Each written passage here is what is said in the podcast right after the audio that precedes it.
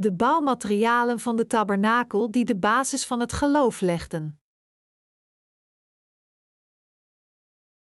Exodus 25, 1, 9 Toen sprak de Heere tot Mozes, zeggende: Spreek tot de kinderen Israëls, dat zij voor mij een hefoffer nemen. Van alle man, wiens hart zich vrijwillig bewegen zal, zult gij mijn hefoffer nemen. Dit nu is het hefoffer, het welk gij van hen nemen zult, goud, en zilver, en koper, als ook hemelsblauw, en purper, en scharlaken, en fijn linnen, en geitenhaar. En roodgeverfde ramsvellen, en dassenvellen, en sittimhout, olie tot den luchter, specerijen ter zalfolie, en tot roking welriekende specerijen, sardonikstenen, en vervullende stenen tot den efot, en tot den borstlap. En zij zullen mij een heiligdom maken, dat ik in het midden van hen woon. Naar al wat ik u tot een voorbeeld deze tabernakels, en een voorbeeld van al deszelfs gereedschap wijzen zal, evenal zo zult gijlieden dat maken. Armzielige levens. In een gedicht dat een psalm des levens heet, schreef Henry Wadsworth Longfellow: Zeg me niet, in trieste getallen, leven is slechts een betekenisloze droom. Als u er echter werkelijk over nadenkt, dan is het leven van de mensen inderdaad erg armzalig. Alhoewel het lijkt alsof het leven van iedereen op het einde nutteloos tot stof terugkeert na een eenzaam en kortstondig leven in deze woestenij van de wereld, is de aarde niet de eindbestemming. Het definitieve einde van ieders persoonlijke leven zal vanwege de zonden, het eeuwigdurende en vreselijke lijden in de hel zijn. En toch zijn de mensen gewoonlijk onverschillig ten opzichte van hun eigen dood en de wereld na het graf. Terwijl ze op deze wereld leven, leven de mensen dus zonder enig doel, terwijl ze naar de hel gaan en niet in staat zijn God, die hen gered heeft, te ontmoeten. Dit is leven. Maar als dit inderdaad alles is om voor te leven, dan zouden wij toch erg armzalig en zielig zijn. De Messias wacht op zulke levens. Als de mensen onvoorzichtig in deze open wereld gegooid zouden worden om doelloos rond te dolen en dan in het duister te verdwijnen, dan zouden ze inderdaad een zielig en miserabel bestaan leiden. We kunnen dit allemaal erkennen door gewoon naar de mensen om ons heen te kijken. Toen ik pas geleden in een auto zat, zag ik een oudere man van rond de zestig langs de weg lopen. Hij had zijn rug naar me toegekeerd, zijn hoofd was gebogen en hij liet zijn schouders hangen, wat alles tamelijk eenzaam uitzag. Toen ik toeterde, draaide hij zich om en ik zag dat zijn gezicht vol verdriet was. Toen ik de uitdrukking in het gezicht van deze man zag, peinsde ik even. Deze oudere man voelde waarschijnlijk hoe leeg zijn leven was. De verlatenheid van de herfst voegde misschien iets aan dit gevoel van leegte toe, wat hem zelfs nog meer de nutteloosheid van zijn leven liet voelen. Niet alleen het leven van deze man, maar in feite het leven van iedereen is werkelijk armzielig. Met het verstrijken der tijd realiseren deze mensen zich nog niet eens dat zij ouder worden, totdat zij opeens diepe rimpels ontdekken. Velen van hen hebben zoveel moeilijkheden in hun leven aanschouwd dat zij niet eens een kans hebben gehad om op adem te komen, zich om te draaien en te zien waar zij gelopen zijn. Alhoewel alle ouders voor hun kinderen en familie geleefd en gewerkt hebben, kan geen woord hun verdriet beschrijven, want als zij hun eigen zonsondergang aanschouwen, blijft er niets van hun leven over. Ze worden gauw overweldigd door tranen vanwege hun emoties. Nadat zoveel tijd verstreken is, hebben ze eindelijk een kans om achterom te kijken en als ze dit doen, voelen zij slechts hoe griezelig deze verlatenheid van de late herfst hun leven weerspiegelt. Met de herfst, als alle bladeren gevallen zijn en zij slechts de sombere winter aanschouwen, herkennen zij dat ook hun levensschouw op deze manier zal verdwijnen. Zij zullen er natuurlijk spijt van dat ze er zo lang over hebben gedaan om zich dit te realiseren. Welke hoop zouden deze mensen hebben als zij op het punt staan te sterven zonder ook maar de Heer te hebben ontmoet? Zulke mensen, die aan hun einde komen zonder de Messias te hebben ontmoet, zijn voor altijd armzielig. Ik zou ook een zielig leven hebben geleid als ik de Heer niet had ontmoet. En u? Waar zou u nu op afstevenen als u de Heer ook niet had ontmoet? Er zijn te veel mensen in deze wereld die, omdat ze niet in staat waren de Heer te ontmoeten, hun eigen ongeluk gereserveerd hebben. Het breekt mijn hart als ik aan deze mensen denk, dat er zoveel mensen zijn die hun eigen ongeluk gereserveerd hebben. Varkens hoeven maar te eten totdat ze doodgaan, maar ons leven is anders dan dat van deze varkens, want wij moeten overwegen en verder in de eeuwige toekomst kijken. Veel mensen bereiken hun laatste dag vol spijt. Alhoewel zij weten dat er het eeuwige koninkrijk van de hemel is, erkennen zij dat zij te ongepast zijn om er binnen te gaan, want zij zijn nog steeds zondig. Het trieste lot van de vele mensen die spijt hebben in hun levens, maakt me treurig. Als we over deze levens nadenken, dus dat zij niet in staat zijn om naar de goede plaats te gaan die door God voorbereid is en dat zij van deze wereld zullen verdwijnen zonder het werkelijke doel van hun leven te vervullen, kunnen we slechts medelijden met deze zielen hebben en treuren om hun lot. Daarom wordt het leven vaak vergeleken met een reis over een woeste en moeilijke oceaan. Als we naar het leven verwijzen, zeggen mensen dat het is alsof ze in zo'n oceaan leven terwijl ze de bitterheid van de menselijke wereld proberen te overleven. Vanaf hun geboorte tot aan hun dood moeten zij lijden, trappen en schreeuwen om te overleven.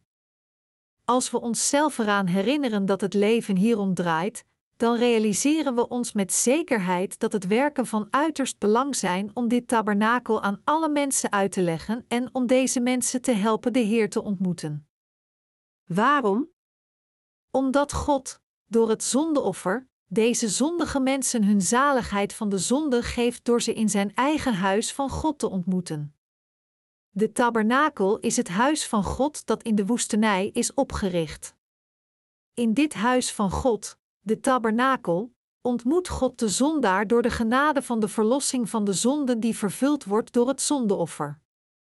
God zegt ons: Ik zal jullie mijn huis laten bouwen waarin ik aanwezig zal zijn, en ik zal je in dit tabernakel ontmoeten, op de verzoendeksel. Alleen maar in de tabernakel, het huis van God, krijgt iedereen een kans om God te ontmoeten. Dit geloof in de waarheid van de tabernakel kan voor niets anders in deze wereld verwisseld worden en het is het meest waardevolle dat voor geen goud in de wereld gekocht kan worden. Ik geloof dat voor die mensen onder ons die het christelijke geloof hebben dat in Jezus Christus als onze Verlosser gelooft, de exacte kennis van en het juiste geloof in dit tabernakel, de manier is om een gezegende weg te gaan. We leven ons gezegende leven. Mijn hart is gevuld met gelukkige gedachten en het vraagt zich af of er iemand is die zo'n gezegend leven voert als ons. Alhoewel het leven zo'n armzielig bestaan is, leven veel mensen hun leven terwijl ze volledig hun eigen lot vergeten. Maar God wilt hen laten erkennen hoe koppig zij voor Hem hebben geleefd en Hij wilt dat hun hart bekeert. Zij proberen echter nog steeds hun leven te leven zonder naar het evangelie, dat God hun gratis heeft gegeven, te luisteren en zonder ook maar een klein beetje hun hart te openen. Exodus vertelt ons over de tien plagen die God over de farao bracht. Een totaal van tien plagen werd aan het land van Egypte gebracht. God heeft de farao geboden om zijn volk dat in Egypte leefde, vrij te laten. Hij zei de farao dat als hij hem niet zou gehoorzamen, hij plagen over hem zou brengen. Maar de farao luisterde niet naar wat God hem te zeggen had en verzette zich koppig tegen zijn gebod, en uiteindelijk ontving hij alle tiende plagen die God beloofd had. De halstarrigheid van de farao was onrechtvaardig. Ook bevrijdde hij het volk van Israël slechts nadat hij alle straffen van God had ontvangen omdat hij door Satan beheerst werd. Dit verwijst naar onze eigen ongerechte tegenstribbeling die bij iedereen gevonden kan worden. Zulke mensen kunnen echter nog steeds de verlossing van de zonden, die door God in zijn tabernakel bepaald is, krijgen en met hem in geloof leven. En toch zijn deze mensen zo halstarrig dat zij Gods waarheid met een koppigheid van een ezel blijven weigeren en er niet in geloven. Daarom zijn er zoveel mensen die de God van de waarheid niet kunnen ontmoeten, die hun leven als zondaars leiden en uiteindelijk hun eigen vernietiging tegemoet gaan. Dit maakt me diep ongelukkig. Te veel mensen zijn veel te koppig voor God. Omdat zulke mensen even zwichten als zij moeilijkheden aanschouwen, maar dan meteen weer teruggaan naar waar zij waren voordat ze Gods wil weigerden en hun halstarrige manieren weer opnemen, zullen zij hun tweede plaag aanschouwen. En met deze tweede plaag zwichten zij een beetje meer. Maar dit zal niet lang duren, want zij zullen weer ongehoorzaam zijn tot God en Hem uitdagen. En dus worden zij onderworpen aan hun derde plaag, die gevolgd wordt door hun vierde, vijfde, zesde, zevende, achtste en negende plaag, totdat zij zich pas na de laatste plaag en als ze vernietigd zijn, zullen overgeven. Als de laatste plaag komt, zullen er veel mensen zijn die het leed van de hel moeten verdragen omdat ze niet geloofden wat de Messias voor hen heeft gedaan. Hoe dwaas is het leven van zulke mensen? Daarom is het leven van iedereen zo armzalig. Alhoewel het leven van de mensen armzalig is voor God, moet u zich realiseren dat het een grote zegen voor u is om God in de tabernakel te ontmoeten en met dit besef over het woord van de tabernakel uit te wijden. Het offer dat God van ons verlangt. God gebood Mozes om naar de berg Sinai te komen en hij gaf hem een hele reeks van zijn wet. Ten eerste gaf hij Mozes de tien geboden: Gij zult de Heer uw God aanbidden en hem alleen dienen, Gij zult mijn naam niet lichtvaardig gebruiken, wees gedachtig dat gij de dag des Herens heiligt, eert uw vader en moeder, gij zult niet doden, gij zult geen echtbreuk plegen, gij zult geen diefstal plegen, gij zult uw naaste niet vast betuigen, gij zult niet begeren. Daarnaast sprak God ook tot hun van de andere wetten die de Israëli's in hun dagelijkse leven moesten houden. Het waren de in totaal 613 geboden en wetten van God. Deze 613 geboden omvatten aspecten als wat de Israëli's moesten doen als ze hun kudde verloren, wat ze moesten doen als het vee van iemand anders in een put was gevallen, dat zij geen incest moesten begaan, dat als zij dienaren hadden, zij hun in het zevende jaar vrij moesten laten, dat als zij hun vrouwelijke bediende met hun enige mannelijke bediende moesten laten trouwen en kinderen laten krijgen, enzovoorts enzovoorts. God gaf Mozes al deze ethische wetten waaraan de Israëli's zich in hun dagelijkse leven moesten houden volgens hun geloof in het aangezicht van God. God zei toen tegen Mozes dat hij de berg naar beneden moest gaan, de ouderlingen moest verzamelen en zijn geboden moest aankondigen. Terwijl ze Gods woord hoorden, stemde het hele volk van Israël toe en zwoer met hun bloed dat zij dus al zijn geboden zouden gehoorzamen. Exodus 24, 1-4. Toen God Mozes nog eens naar de berg riep, was het om hem te gebieden dat ze de tabernakel moesten bouwen. God sprak tot Mozes: Spreek tot de kinderen Israëls, dat zij voor mij een hefoffer nemen. Van alle man, wiens hart zich vrijwillig bewegen zal, zult gij mijn hefoffer nemen. Exodus 25, 2. Daarna somde hij zijn offer op. Dit nu is het hefoffer, het welk gij van hen nemen zult, goud, en zilver, en koper, als ook hemelsblauw, en purper, en scharlaken, en fijn linnen, en geitenhaar. En roodgeverfde ramsvellen, en dassenvellen, en sittimhout, olie tot den luchter, specerijen ter zalfolie, en tot roking welriekende specerijen, sardonikstenen, en vervullende stenen tot den efot, en tot den borstlap, Exodus 25, 3, 7. God zei hun dat ze deze offers moesten brengen met een concrete bedoeling.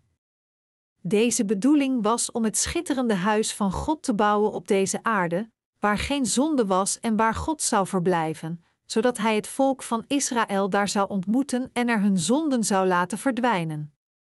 Dit betekent echter niet dat God hun zei dat ze geld moesten brengen om een herdenkingsgebouw te bouwen zoals de huidige kerken. Valse profeten van het huidige christendom neigen ertoe om deze passage verkeerd toe te passen wanneer zij hun kerkgebouwen bouwen omdat ze hun eigen lusten willen stillen. God zei de Israëli's daarentegen dat ze hem deze offers moesten brengen zodat hij hun zijn eigen huis zou laten bouwen en hun daar rijkelijk zou zegenen. De reden waarom God deze offers ontving was in feite om ons van onze zonden te verlossen en ons van ons oordeel te redden.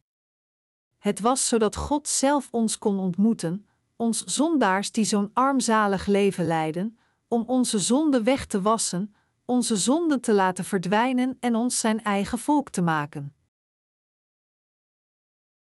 De verborgen geestelijke betekenis van de offers die God gebood om naar Hem gebracht te worden. Laat ons voordat we verder gaan, even nadenken over de geestelijke betekenis van deze offers die God ons gebood Hem te brengen. Hierna zullen we ons geloof in het licht hiervan onderzoeken. goud, zilver en brons. Ten eerste moeten we uitvinden waar het goud, zilver en brons voor gebruikt werd. In de tabernakel werd goud gebruikt voor het heiligdom, het allerheiligdom en de gebruiksvoorwerpen die erin te vinden waren, inclusief de kandelaar, de tafel der toonbroden, het wierookaltaar, de verzoendeksel en de ark van het verbond. Goud verwijst naar het geloof in het woord van God en zilver verwijst naar de genade van zaligheid. Het zegt ons dat we moeten geloven in het geschenk van de zaligheid dat ons slechts gegeven wordt door de Messias en dat onze Heer al onze zonden op zich heeft genomen en voor ons veroordeeld was. Brons werd daarentegen voor de voetstukken van de pilaren van de tabernakel, de haringen, het wasbekken en het brandofferaltaar gebruikt. Alle bronzen gebruiksvoorwerpen werden in de grond begraven of op de grond geplaatst. Dit verwijst naar het oordeel van de zonde van de mensen, en brons zegt ons ook dat we door God veroordeeld zullen worden voor het falen om ons aan de wet te houden en vanwege onze zonden. Wat is dan de geestelijke betekenis van het goud, zilver en brons? Zij vormen de basis van het geloof in de ontvangst van het geschenk van de zaligheid die door God gegeven wordt. De Bijbel zegt ons dat we alle zondaars zijn die zich niet volledig aan de wet kunnen houden, dat we vanwege onze zonden moeten sterven en dat in plaats van onze eigen dood, de Heer naar deze aarde kwam en voor onze zonde in onze plaats veroordeeld werd, omdat Hij het zondeoffer werd van de offerande voor de zonden die in de tabernakel gegeven werd.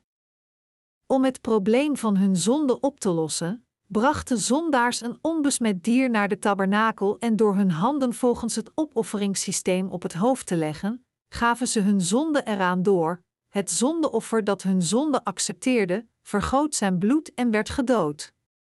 Door dit te doen, kon het volk van Israël, dat gedoemd was om naar de hel, brons, te gaan, de verlossing van hun zonden, zilver, ontvangen en aan hun veroordeling voor de zonde volgens geloof ontsnappen, goud. De blauwe, paarse en dieprode wol en het getweerde linnen. Hier zijn de andere veelgebruikte materialen: blauwe, paarse en dieprode wol en getweerd linnen. Deze draden werden gebruikt voor de poort van de voorhof van de tabernakel, de poort van het heiligdom, en de voorhang tussen het heiligdom en het allerheiligdom. Deze vier draden vertellen ons de waarheid die precies zo geprofeteerd is in Genesis 3 uur 15, dat de Heer uit de schoot van een vrouw geboren wordt, dat onze Heer inderdaad naar deze aarde zou komen en de zondaars van hun zonden zou redden door gedoopt en gekruisigd te worden en dat God zelf ons zou redden.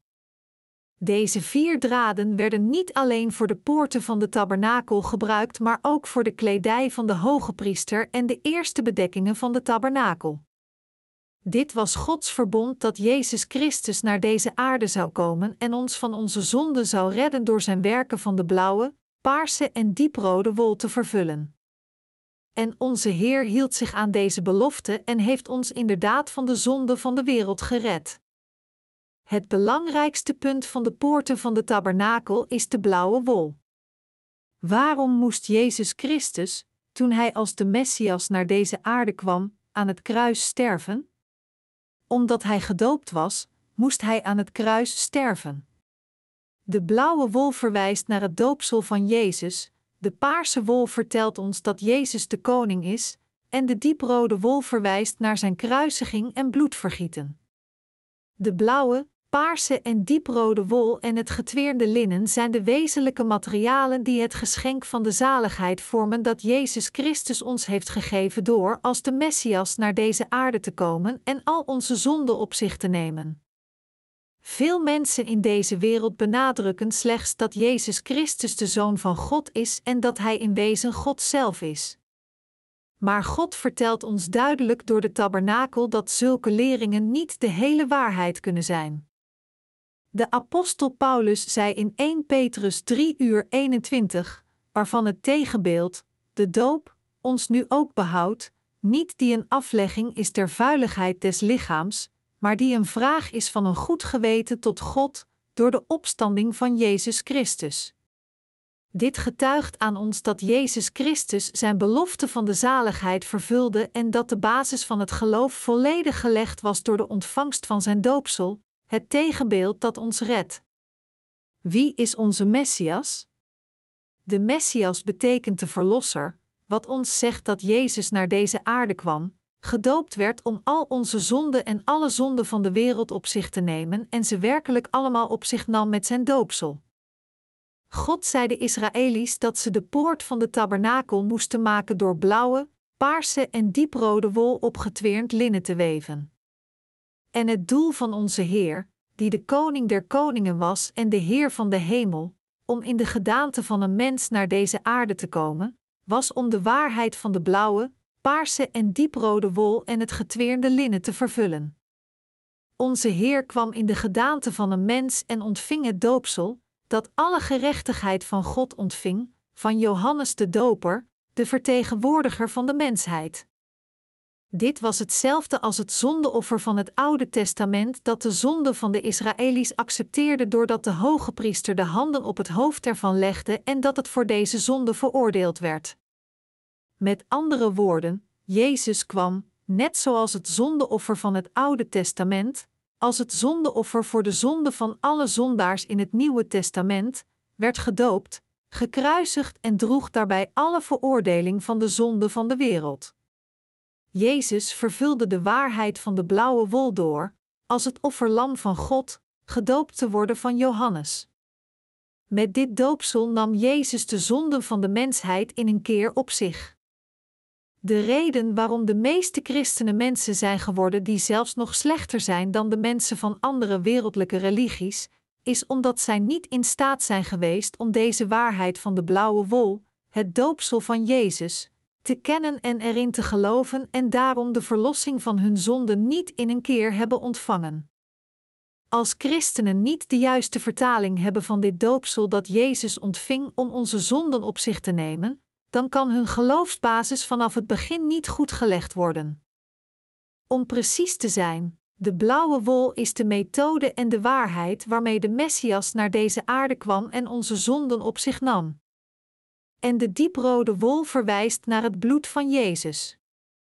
De reden waarom Jezus Christus gekruisigd was, zijn bloed vergoot en aan het kruis stierf, is omdat al onze zonden aan Hem zijn doorgegeven door zijn doopsel omdat Jezus met zijn doopsel dat hij van Johannes ontvangen had, onze zonden op zichzelf had genomen, kon hij aan het kruis sterven en door dit feit was zijn offer aan het kruis voor ons niet nutteloos. Omdat Jezus Christus de Messias al onze veroordeling voor de zonde volledig met zijn doopsel en kruisiging droeg, kon hij onze zaligheid voltooien. De paarse wol betekent dat Jezus Christus God is en de koning der koningen. Alhoewel Jezus Christus de koning der koningen is, de paarse wol, zou zijn dood slechts nutteloos zijn geweest als hij niet gedoopt was door Johannes de Doper, de vertegenwoordiger van de mensheid, en als hij daarom niet onze zonden op zich had genomen, blauwe wol, ondanks de hoeveelheid pijn en verdriet hij leed toen hij aan het kruis stierf, dieprode wol. Het getweerde linnen vertelt ons dat het woord van de profetie dat God in het Oude Testament gesproken had, geheel vervuld is in het Nieuwe Testament. Het huidige christendom heeft de betekenis van de blauwe wol verloren. En toch is er in het huidige christendom een uitgesproken neiging om de blauwe wol, van de vier draden, te negeren en om het woord van God willekeurig zelf te interpreteren, deze grote zonde zal zeker veroordeeld worden. De blauwe, paarse en dieprode wol en het getweerde linnen dat gebruikt werd voor de poort van de voorhof van de tabernakel, zegt ons de waarheid van de zaligheid, dat Jezus Christus onze Messias, naar deze aarde moest komen in de gedaante van een mens, gedoopt en gekruisigd moest worden, om ons van onze zonden te redden. Jezus nam al onze zonden op zich. Hoe nam Jezus onze zonden op zich? Hij nam ze door het doopsel dat hij van Johannes ontving. Slechts door onze zonden op zich te nemen kon Jezus onze ware verlosser worden. Daarom moesten de poorten van de tabernakel met deze vier draden geweven worden, want zij vertellen ons dat Jezus, die naar deze aarde kwam, gedoopt werd, zijn bloed aan het kruis vergoot en van de dood herrees, God zelf is. De poort van de voorhof van de tabernakel was dus gemaakt van deze blauwe, paarse en dieprode wol en getweerd linnen. Jezus is de deur tot de zaligheid die ons in het koninkrijk van de hemel leidt. Deze deur is een deur die geweven is van de blauwe, paarse en dieprode wol en getweerd linnen. Jezus is de verlosser van de zondaars. Het doopsel van Jezus en zijn kruisiging zijn zijn geschenk van de zaligheid dat de zondaars van hun zonden heeft gered. Omdat het huidige christendom gefaald heeft om het doopsel van Jezus goed te begrijpen, zijn de mensen niet in staat geweest om de echte God tegen te komen en hierdoor is het christendom tot een van de vele wereldlijke religies gekeerd. Wat ons geloof betreft, moeten we daarom eerst een stevige geloofsbasis leggen op grond van de waarheid van de blauwe, paarse en dieprode wol. Deze basis van geloof is het feit dat onze Heer naar deze aarde kwam en ons heeft gered van de zonde van de wereld door zijn blauwe, paarse en dieprode wol en getweerde linnen. Jezus kwam naar deze aarde en heeft het geschenk van de zaligheid, dat ons van al onze zonden gered heeft, met zijn doopsel en het bloed aan het kruis, voltooid. Om duidelijker te zijn, Jezus kwam naar deze aarde in de gedaante van een mens, nam door zijn doopsel de zonde van de wereld op zich, verzoende al onze zonden met zijn bloed aan het kruis en droeg dus de veroordeling van onze zonden door aan het kruis te sterven. Deze Jezus, die ons dus gered heeft door het water en het bloed, 1 Johannes 5, 4, 8, is in wezen de Heer van de schepping die ons maakte en de ene die ons het geschenk van de zaligheid heeft gegeven dat ons redde. Deze Jezus die ons van al onze zonden en de veroordeling gered heeft, is onze ware verlosser geworden. Dit zeggen de bouwmaterialen van de tabernakel ons. En we moeten ons geloof dus stevig vestigen door in deze materialen te geloven. We moeten duidelijk en beslist met ons hele hart geloven in het doopsel dat Jezus, die als onze Messias kwam, ontving, in alle veroordeling die Hij voor ons aan het kruis droeg en in Zijn herrijzenis van de dood, als we in deze Jezus geloven. De Verlosser die ons het geschenk van onze zaligheid van al onze zonden heeft gegeven door Zijn doopsel en het bloed dat Hij aan het kruis vergoot, was niet gewoon een man, maar hij was de schepper die de mensheid en het hele universum heeft gemaakt. We moeten ons geloof in de blauwe, paarse en dieprode wol beleiden. Zonder zo'n geloofsbeleidenis is het gewoon onvast om in Jezus als de Verlosser te geloven. Heeft u ooit het spel Zin doorfluisteren gespeeld? Dit spel begint bij een persoon die een kaart wordt gegeven waarop een zin geschreven staat. De persoon leest stilletjes de zin en zegt dan de zin op zonder geluid te maken, dus alleen de lippen te bewegen. De volgende die de lippen leest, geeft de zin dan door aan een derde persoon. Deze persoon leest dan de lippen van de tweede persoon en geeft het dan op dezelfde manier door aan de vierde persoon totdat de laatste persoon is bereikt. Het doel van dit spel is dat de laatste persoon de originele zin correct zegt zoals die in het begin is doorgefluisterd. Dit spel is leuk omdat de originele zin gemakkelijk veranderd wordt. Als het spel bijvoorbeeld begint met de zin zet de ventilator aan, zal het al na een paar mensen veranderd zijn. Op het einde zal de laatste persoon misschien zeggen: zet de ezel weg, wat een volledig andere zin is. Zoals deze laatste persoon met een volledig andere zin komt, zo heeft ook het huidige christendom een volledig misplaatst geloof alsof het dit fluisterspel heeft gespeeld. Waarom is dit het geval? Dit komt omdat het christendom gefaald heeft het geloof te baseren op de blauwe, paarse en dieprode wol. Het huidige christendom heeft haar basis niet gegrond op dit geloof van de blauwe, paarse en dieprode wol.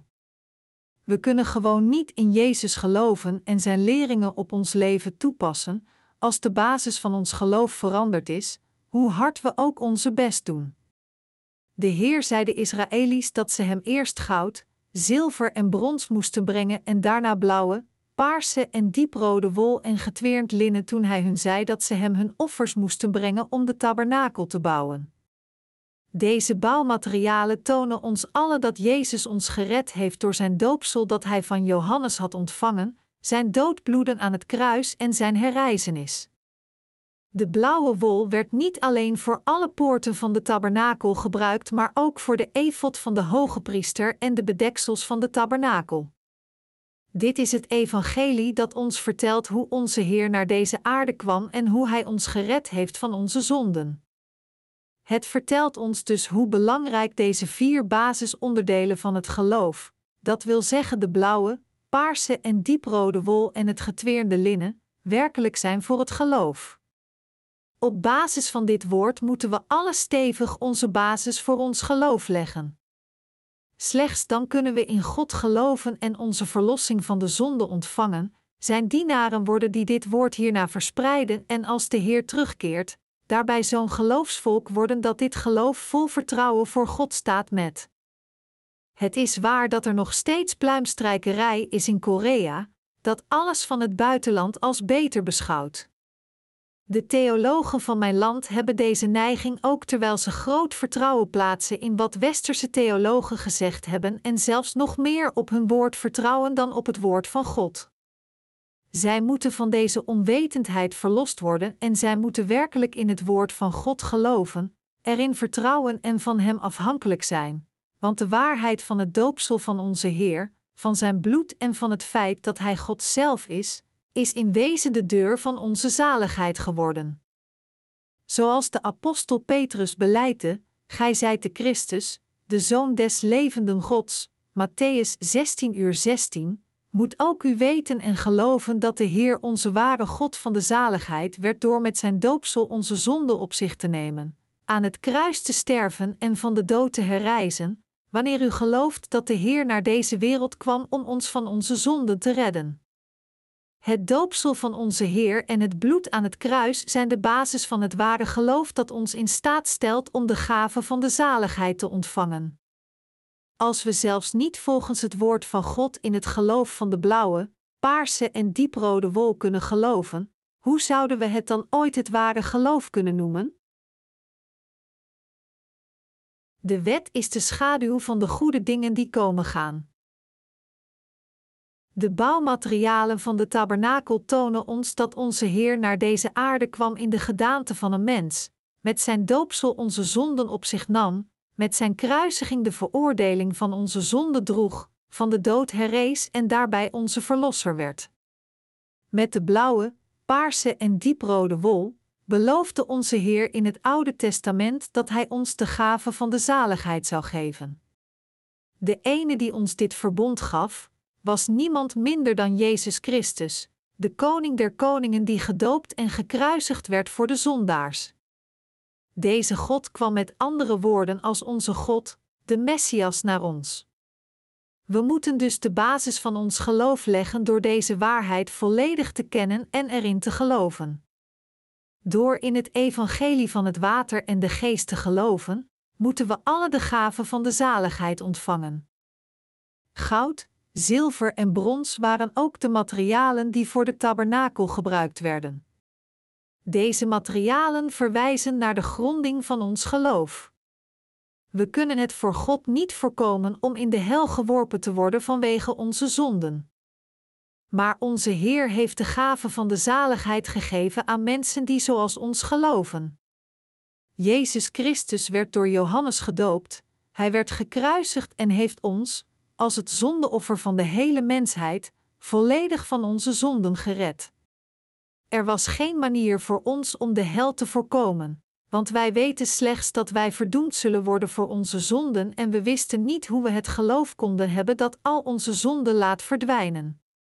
Maar in God was de gave van de zaligheid. Het is de gave van de zaligheid dat Jezus naar deze aarde kwam, al onze zonden op zich accepteerde met zijn doopsel, aan het kruis stierf en daarbij alle problemen van onze zonde en veroordeling heeft opgelost. We zijn van onze zonden gered door ons geloof, door te geloven dat God zijn werk van onze zaligheid voltooid heeft en ons de gave van deze zaligheid heeft gegeven. Daarom zei God dat we hem goud, zilver en brons moesten brengen, want hij heeft degene die het niet konden voorkomen om naar de hel te gaan, volledig gered door hen de gave van de zaligheid te geven. Omdat onze Heer ons inderdaad gered heeft door naar deze aarde te komen, al onze zonden op zich te nemen en al onze veroordeling te dragen, zijn wij volledig gered voor God door in deze gave van de zaligheid te geloven. Jezus Christus is nu onze volmaakte Verlosser geworden. We moeten daarom stevig met ons geloof in Zijn gave van zaligheid verankerd zijn, want de blauwe, paarse en dieprode wol en het getweerde linnen zijn de gaven van het geloof. God wilt niet dat we willekeurig en blindelings geloven zonder iets te weten. Geitenhaar, roodgeverfde ramsvellen en dassenhuiden. Deze werden gebruikt als de bedeksels van de tabernakel. De eerste bedekking was geweven van blauwe, paarse en dieprode wol en getweerd linnen, waarop de tweede bedekking van geitenhaar werd gelegd. Dit werd daarna bedekt met rood geverfde ramsvellen en uiteindelijk werden daarover dassenhuiden gelegd. Zo bedekten vier verschillende lagen de tabernakel. De bedekking die het allerlaatste op de tabernakel gelegd werd, was van dassenhuiden. Wat dus aan de oppervlakte van de bedekking van de tabernakel verscheen, waren gewoon deze zwarte dassenhuiden. Een das is een marterachtige. De grootte van de huiden van een das zijn iets kleiner dan die van een mens en de huiden zijn waterdicht. Daarom werden de huiden als bedekking voor de bovenste laag van de tabernakel gebruikt. Hierdoor was de uiterlijke schijn van de tabernakel niet erg indrukwekkend en het was zeker geen plezierig gezicht om naar te blijven kijken. Dit zegt ons dat wanneer Jezus voor ons naar deze aarde komt, hij inderdaad zo'n lage vorm zal aannemen die geen uiterlijke aantrekkelijkheden heeft. De roodgeverfde ramsvellen vertellen ons dat Jezus Christus naar deze aarde zou komen en voor ons zou worden opgeofferd, terwijl de geitenharen ons vertellen dat Hij ons zou redden door gedoopt te worden als ons zondeoffer en daarbij onze zonden op zich te accepteren en aan het kruis geofferd te worden. De materialen van deze bedekkingen van de tabernakel zijn met andere woorden de fundamenten van ons geloof. Deze waarheden zijn de bouwmaterialen van het geloof dat absoluut niet weggelaten kan worden. Jezus Christus kwam naar deze aarde als ons eigen zondeoffer om ons de gave van de zaligheid te geven. In het Oude Testament richtte God het opofferingssysteem op voor de verlossing van de zonde van de Israëli's. De onbesmette offerdieren, geiten, lammeren of stieren, accepteerden de zonden van de Israëli's die aan hen werden doorgegeven, door het opleggen van handen en ze werden in plaats van de Israëli's gedood, hun bloed werd vergoten en ze werden verbrand en daarbij redden zij hen van al hun zonden. Jezus Christus kwam naar deze aarde als het offerlam en accepteerde onze zonden op zich door zijn doopsel, dat wil zeggen het opleggen van handen. Jezus Christus droeg ook alle veroordeling van onze zonde door gedoopt te worden en door aan het kruis te sterven, en Hij heeft ons daarbij van de zonde van de wereld gered, Net zoals het zondeoffer dat gedood werd door het bloed te vergieten en op het brandofferaltaar te verbranden voor het accepteren van de zonde van de Israëli's met het opleggen van handen. Omdat Jezus gedoopt werd en zijn bloed vergoot, waarmee hij onze eeuwige verzoening met dit bloed voltooide en alle zonden van de wereld heeft uitgewist, zijn de namen uit het boek des oordeels uitgewist door het bloed van het zondeoffer op de hoorns van het brandofferaltaar te strijken. Op deze manier spreken alle materialen van de tabernakel tot ons over Jezus Christus en zijn diensten, terwijl ze ons vertellen dat Hij ons al dus van de zonde van de wereld heeft gered. Het woord dat Jezus ons van onze zonden gered heeft, is van het Oude tot het Nieuw Testament de hele waarheid die helemaal foutloos is. Veel van de huidige christenen geloven niet dat Jezus Christus naar deze aarde kwam als ons zondeoffer en onze zonden op zich nam met zijn doopsel, maar zij geloven in plaats daarvan onvoorwaardelijk alleen maar in zijn dood aan het kruis.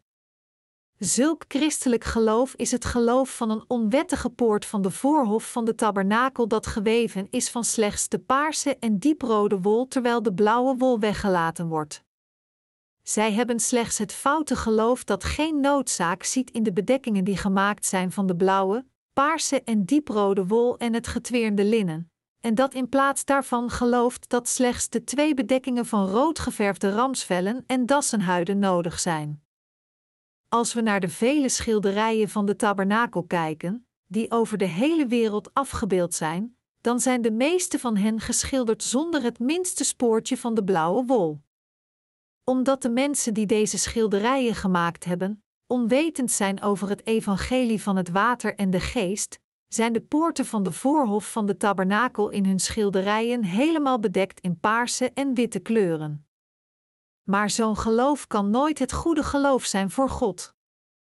De wol die het meeste gebruikt werd voor de poort van de voorhof van de tabernakel was de blauwe wol die gevolgd werd door de paarse en dan de dieprode wol en daarna het witte linnen.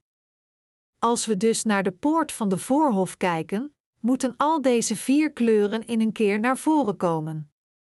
Maar omdat er zoveel mensen in deze wereld zijn wiens geloof het volledig aan enige kennis over het doopsel van Jezus ontbreekt, zijn ze alle onwetend over de vier kleuren wol die gebruikt zijn voor de tabernakel en in plaats ervan gebruiken ze hun eigen poorten van de tabernakel met slechts twee draden wol. Door dit te doen, bedriegen zij veel mensen die reeds weinig kennis hebben van God en tamelijk onwetend zijn over Zijn woord. Dit zijn alle valse profeten. Jezus zelf beschrijft dit soort mensen als het onkruid dat de duivel onder het koren gezaaid heeft, Matthäus 13 uur 25. Het zijn, met andere woorden, mensen geworden die valse leugens verspreiden door de blauwe wol weg te laten uit hun schilderijen van de poort van de voorhof van de tabernakel.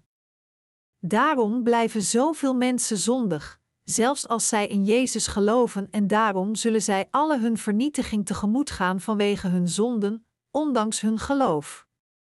Onze geloofsbasis moet stevig zijn. Welk nut zou het hebben als men een lange tijd een religieus leven zou leiden voor de ziel als het alles gebaseerd is op een wetteloze geloofsbasis het verkeerde geloof kan en zal binnen een mum van tijd vervallen? Wat doet het ertoe als uw huis mooi is als het gebouwd is op een gebrekkige basis van geloof? Wanneer uw geloofsbasis gebrekkig is, dan doet er niet toe hoe vlijtig u God gediend heeft. U heeft dan slechts een huis op zand gebouwd en wanneer een storm of een vloedgolf komt, zal het meteen helemaal in elkaar storten. Maar hoe zit dat met het geloof van degene wiens basis stevig is? Het zal nooit omvervallen, hoe hard het ook bewogen wordt. God zei ons dat een huis dat op de steen van de waarheid, dat geweven is van de blauwe, paarse en dieprode wol en het getweerde linnen, gebouwd is, nooit omver zal vallen. Dit is werkelijk zo. Wat is het geloof van steen? Het is het geloof dat in de waarheid van de blauwe, paarse en dieprode wol en het getweerde linnen gelooft. Het geloof van degenen die zo'n geloofshoes hebben gebouwd, zal nooit instorten. Daarom is het voor ons geloof van belang om een stevige en solide basis te hebben. Als we geloven zonder werkelijk te begrijpen wat de Heer voor ons heeft gedaan, dan zal zo'n geloof in een vals religieus geloof keren, wat God niet wilt. Sittimhout, olie en specerijen. De pilaren van de tabernakel, het brandofferaltaar, de panelen en de gebruiksvoorwerpen van het heiligdom waren alle van sittimhout gemaakt. In de Bijbel duidt hout gewoonlijk menselijke wezens aan, Rechteren 9, 8, 15, Marcus 8 uur 24. Het hout verwijst hier ook naar ons in onze menselijke natuur, dat dit sittimhout gebruikt werd voor de pilaren, het brandofferaltaar en de tabernakel zelf vertelt ons dat net als de wortels van acaciabomen altijd onder de grond begraven zijn, onze basis zo is dat we het niet kunnen voorkomen om de hele tijd te zondigen. Mensen moeten altijd toegeven dat zij het gewoonweg niet kunnen voorkomen dat ze onrechtvaardig blijven doen en altijd zondigen. Tegelijkertijd duidt Sittimhout ook de menselijkheid van Jezus Christus aan. De Messias die in de gedaante van een mens kwam, droeg alle zonden van de wereld en werd indirect veroordeeld voor de hele mensheid. Hij is God zelf, en daarom waren de ark, de tafel der toonbroden, het wierookaltaar en de panelen van de tabernakel alle van sittimhout gemaakt en overlegd met puur goud. De olie voor de lamp en de specerijen voor de zalvingsolie en voor de zoete wierook verwijzen naar ons geloof dat wij Jezus Christus aanbieden. Jezus Christus is de Messias die ons gered heeft. De betekenis van de naam Jezus is de ene die zijn volk van hun zonden zal redden, en de naam Christus betekent de gezalfde, wat ons daarom vertelt dat Jezus Christus God zelf is en de hoge priester van de hemel die ons gered heeft. Terwijl hij de wil van God gehoorzaamde, kwam onze Heer naar deze aarde in de gedaante van een mens, werd gedoopt, offerde zichzelf aan het kruis voor ons en heeft ons daarbij de gave van de zaligheid gegeven. De rol van de hoge priester die door Jezus, die ons onze zaligheid heeft gegeven, opgenomen werd, was inderdaad het meest prachtige werk.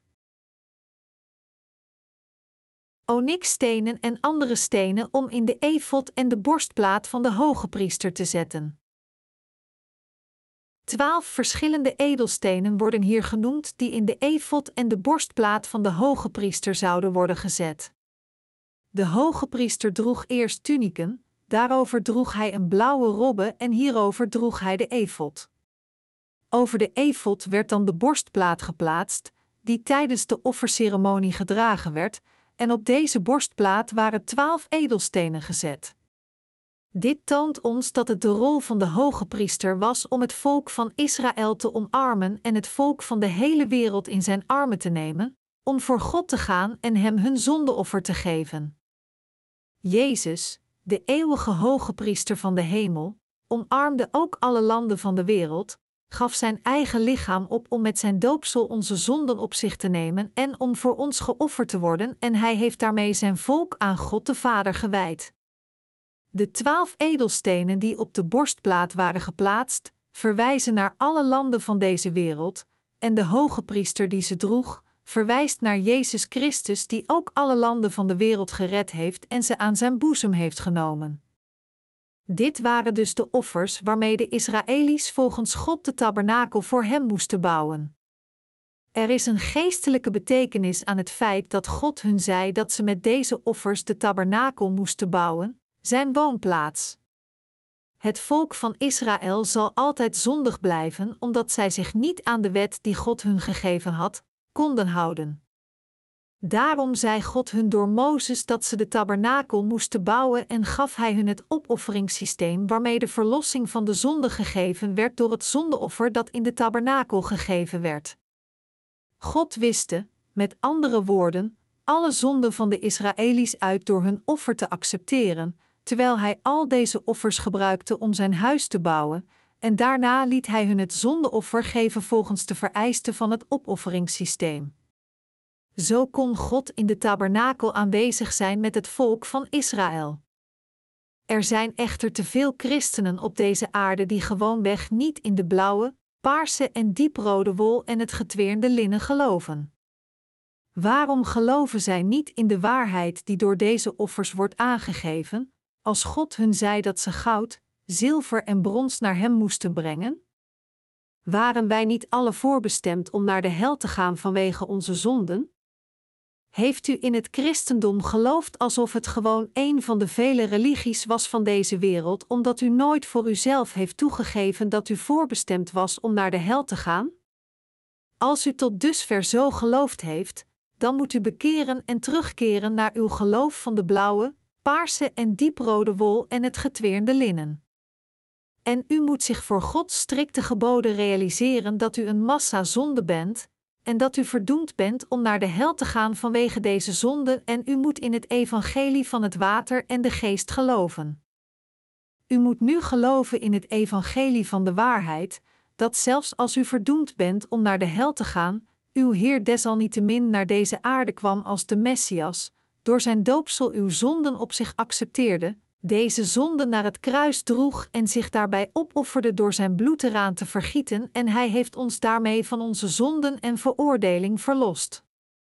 Zonder in het evangelie van het water en de geest te geloven dat in de blauwe, paarse en dieprode wol getoond wordt, kunnen we nooit volledig onze geloofsbasis leggen. We moeten over de basis van ons geloof nadenken. God zegt ons dat we het geloof van de blauwe, paarse en dieprode wol moeten hebben. We moeten onszelf afvragen of we inderdaad dit geloof hebben van de blauwe, paarse en dieprode wol of dat we in de waarheid geloven die slechts getoond wordt in de paarse en dieprode draad terwijl we de blauwe wol weglaten. We moeten naar onszelf kijken en zien of we wel of niet het verkeerde geloof, dat slechts onze eigen smaak is, naar God brengen geven we hem niet toevallig zwartkleurige nylondraad terwijl God ons zegt dat we hem blauwe, paarse en dieprode wol moeten brengen? God, de wol die u gevraagd heeft, lijkt zo nutteloos voor de tabernakel. Het zal door de regen gewoon gaan rotten. En het is ook tamelijk druk om er naar te kijken en moeilijk om het de hele weg naar hier te brengen. Probeer maar deze nylondraad in plaats ervan. Ik kan u garanderen dat het tenminste 50 jaar zal houden, misschien zelfs 100 jaar als u het goed onderhoudt. En zelfs als u het begraaft, zal het na 200 jaar niet rot zijn. Is dat niet geweldig? Is het soms niet wat wij tegen God zeggen? We moeten ook eens goed kijken naar onszelf en overwegen of we inderdaad dit soort narcistische en bijgelovige geloof tot God aannemen. En als we zo'n geloof hebben, moeten we meteen bekeren. We moeten, met andere woorden, omkeren. Er zijn maar weinigen onder ons die van zichzelf denken dat zij werkelijk goede christenen zijn, maar bij nadere beschouwing is hun kennis verkeerd en ook hun geloof. De mystiek die verbreid is in het huidige christendom. Mystiek is wat christenen gewoonlijk het meeste geloven. Deze mensen hebben geen idee van wat het woord van God eigenlijk zegt. Omdat zij het woord van de waarheid, dat de Messias hun gegeven heeft, niet kennen, geloven zij en volgen ze de Heer volgens hun eigen gevoelens en emoties. En zij zijn ervan overtuigd dat zulke gevoelens de waarheid zijn omdat zij ijverig tot God bidden en getrouw hun eigen emoties en gevoelens volgen die zij in hun gebeden voelen, kunnen zij niet onderscheiden wat het ware geloof in God precies is. Zo is het geloof in God volgens iemands eigen emoties en gevoelens, die enorm schommelen binnen iemands gedachten, ook het geloof van de mystiek. Mensen die in God geloven terwijl ze geleid worden door de gevoelens die ze krijgen tijdens het vasten, loven, geloven, tijdens hun ochtendgebed, als zij een berg beklimmen om te gaan bidden, als zij zondigen of berouwgebeden geven, en ga zo maar door, zijn alle mystici. Met andere woorden, het is niet het geloof in de blauwe, paarse en dieprode wol waarvan de Messias sprak als men een geloofsleven leidt terwijl men zijn eigen gevoelens vasthoudt. Misschien wel 99,9%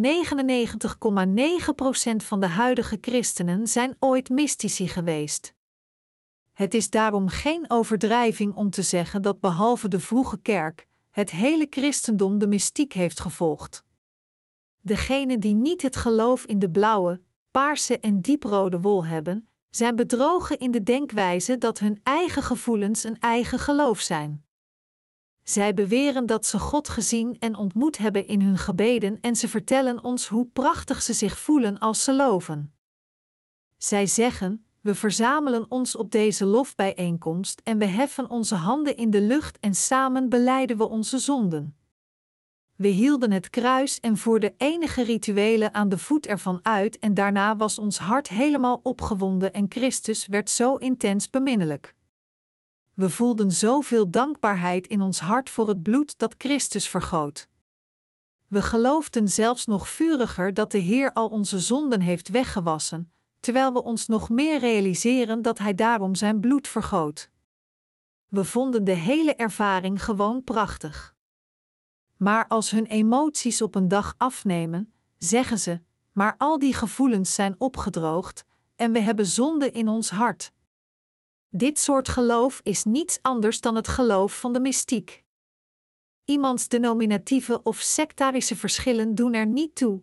Iedere christen heeft het geloof nodig dat in de waarheid van de blauwe, paarse en dieprode wol gelooft. Het geloof van alle mensen die niet dit geloof van de blauwe, paarse en dieprode wol hebben waarover God praat, zijn mystiek en bijgelovig.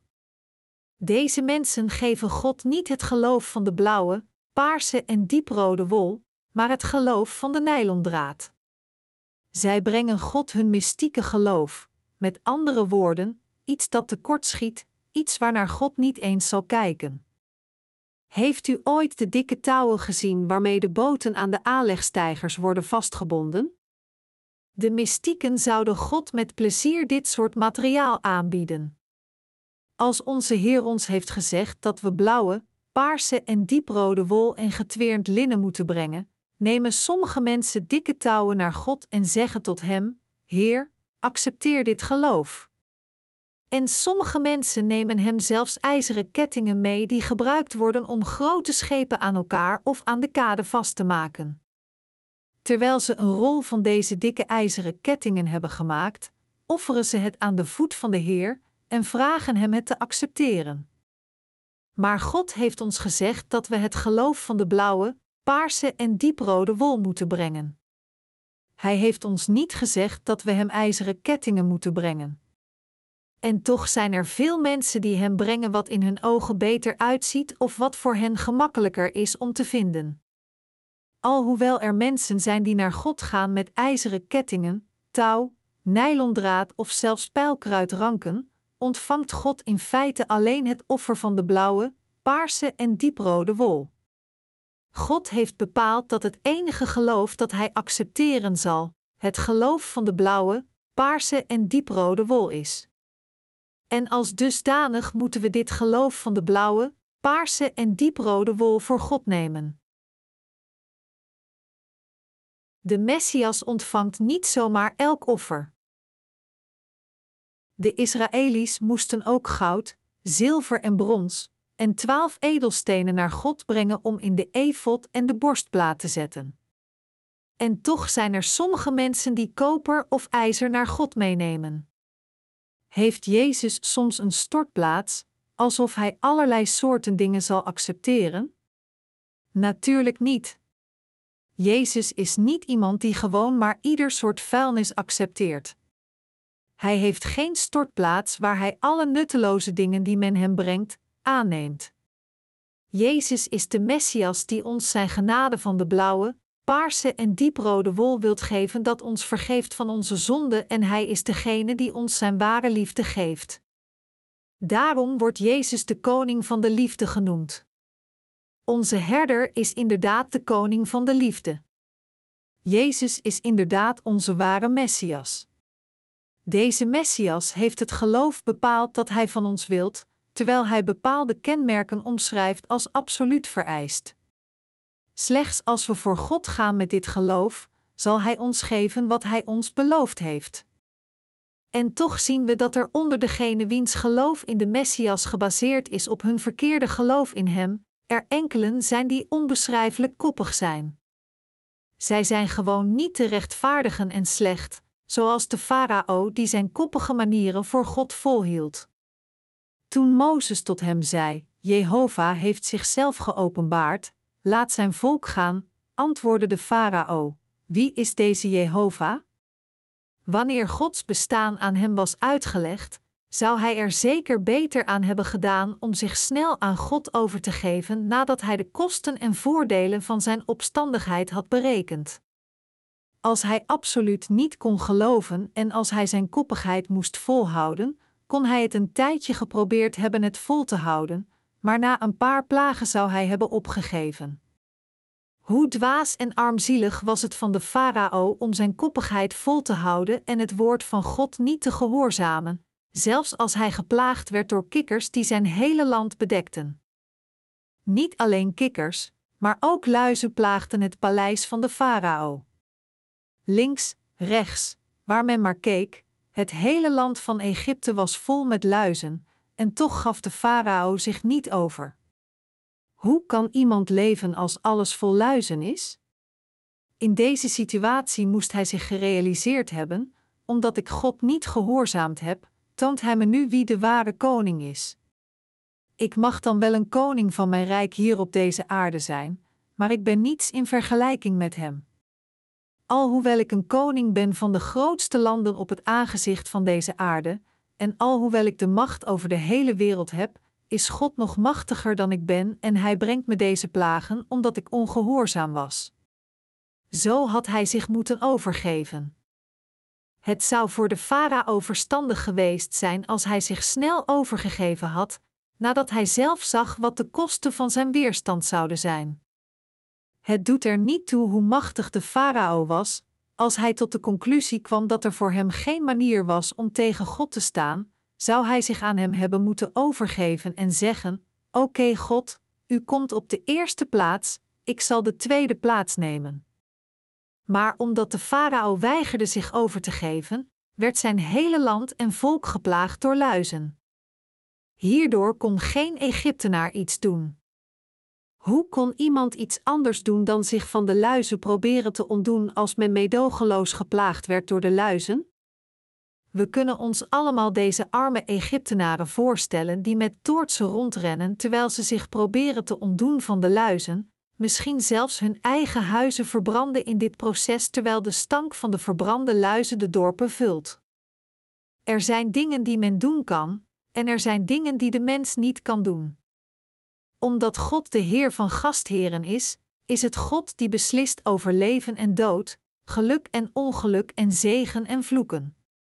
Als dit het geval is, moeten we alle rationeel denken en tot logische conclusies komen om onze eigen koppigheid achter te laten in plaats van vertrouwen in onszelf te plaatsen en tegen God proberen te staan. We kunnen aan onze eigen manier blijven vasthouden en proberen om over anderen te heersen als we onder onszelf zijn, maar als we met de Messias te maken hebben, is dit niet langer uitvoerbaar. We moeten erover nadenken welke persoon we werkelijk moeten zijn voor God. We moeten ernstig overwegen of we tegen God moeten volhouden of dat ons hart inderdaad beleefd en gedwee moet zijn. En we moeten de uiteindelijke conclusie bereiken dat we alle gehoorzaam moeten zijn aan God.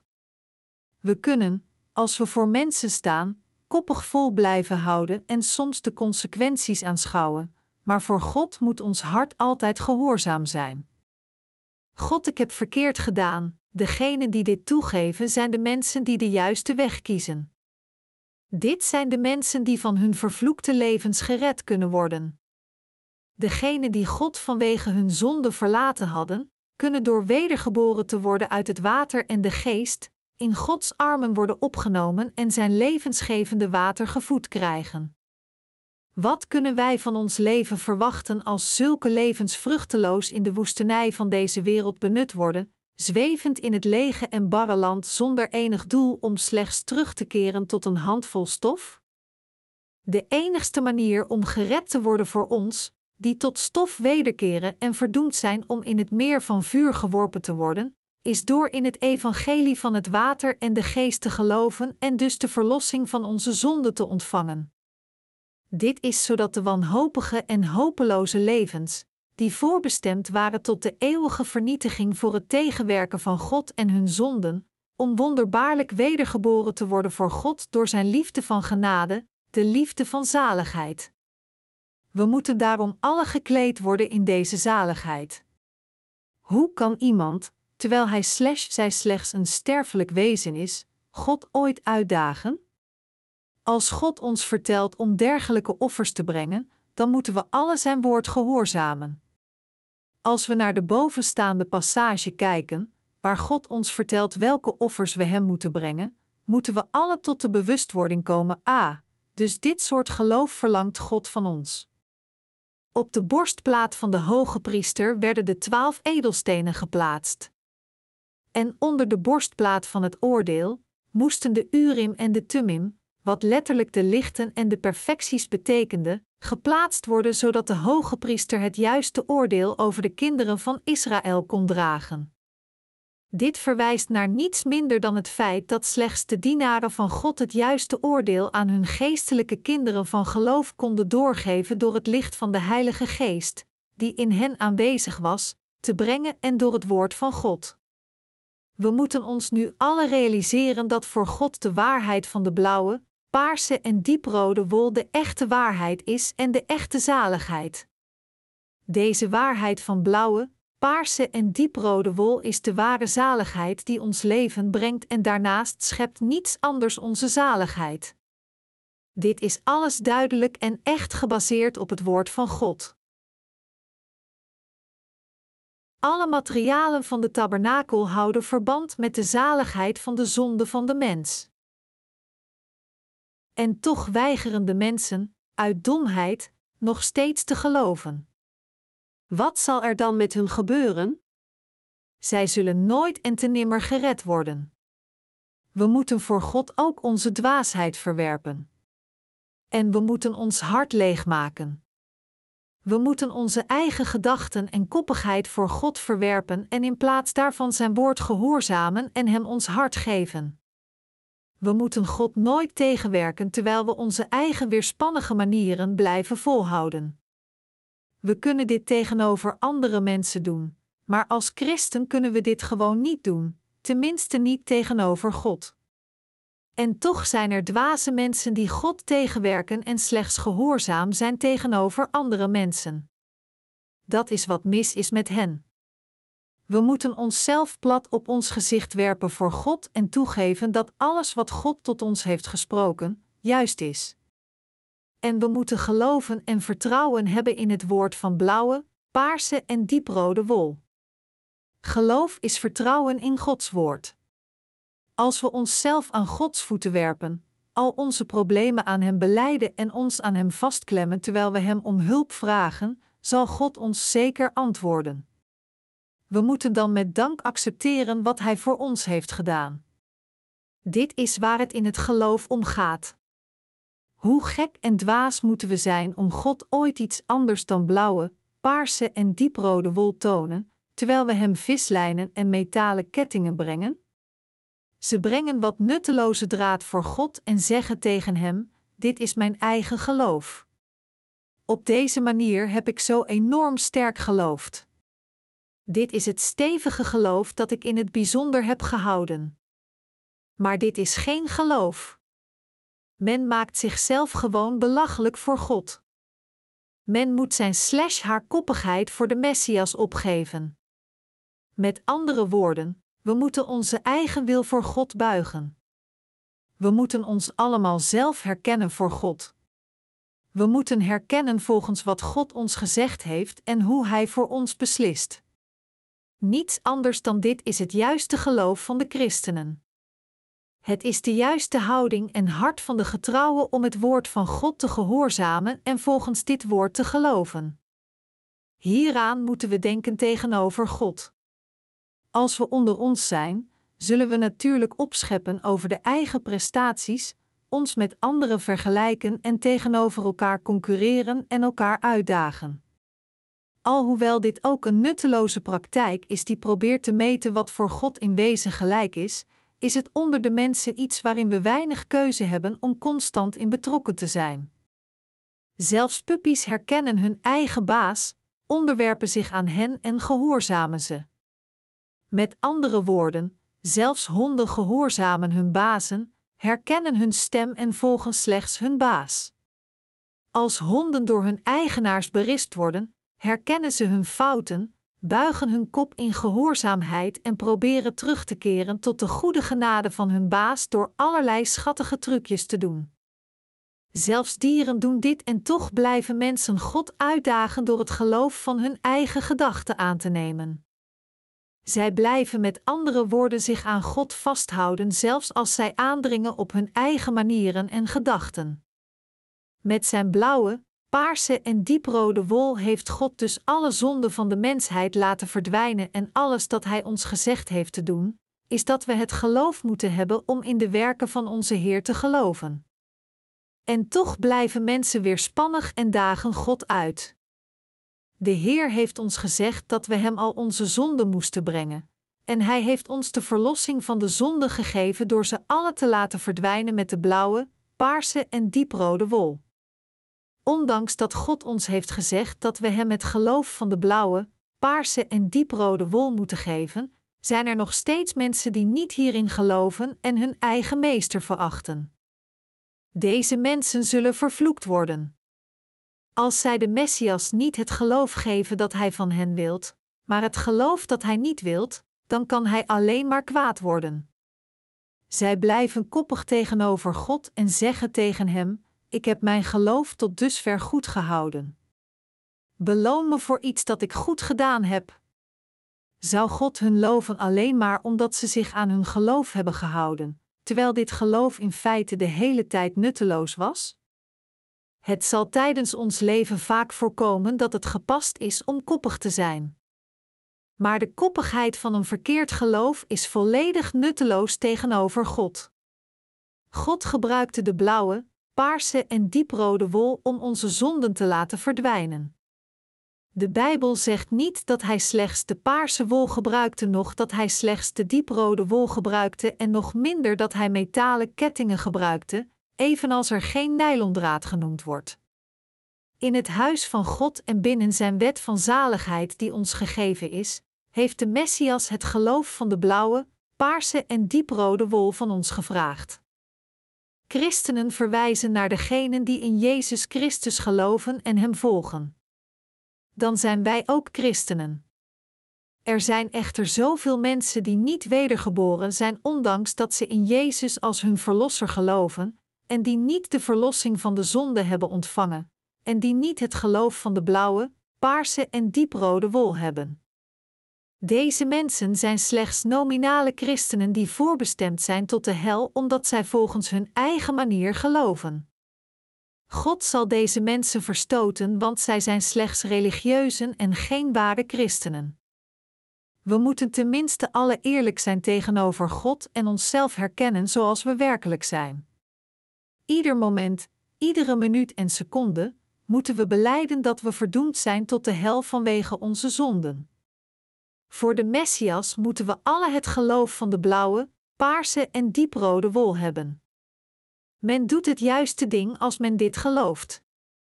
En altijd als we beleiden, moeten we onszelf herinneren aan wat de Messias voor ons heeft gedaan, dat Hij gedoopt werd om ons van de zonde te verlossen en voor onze eigen zonde met Zijn kruisiging veroordeeld werd, en we moeten onze zaligheid iedere keer herkennen. Dit is het geloof dat God van ons verlangt. We kunnen God nooit behagen tenzij we precies doen wat de Messias van ons verlangt. Waarom? Omdat Hij onze eeuwige Verlosser is geworden door Zijn blauwe, paarse en dieprode wol, moeten wij ieder moment geloven wat God voor ons heeft gedaan.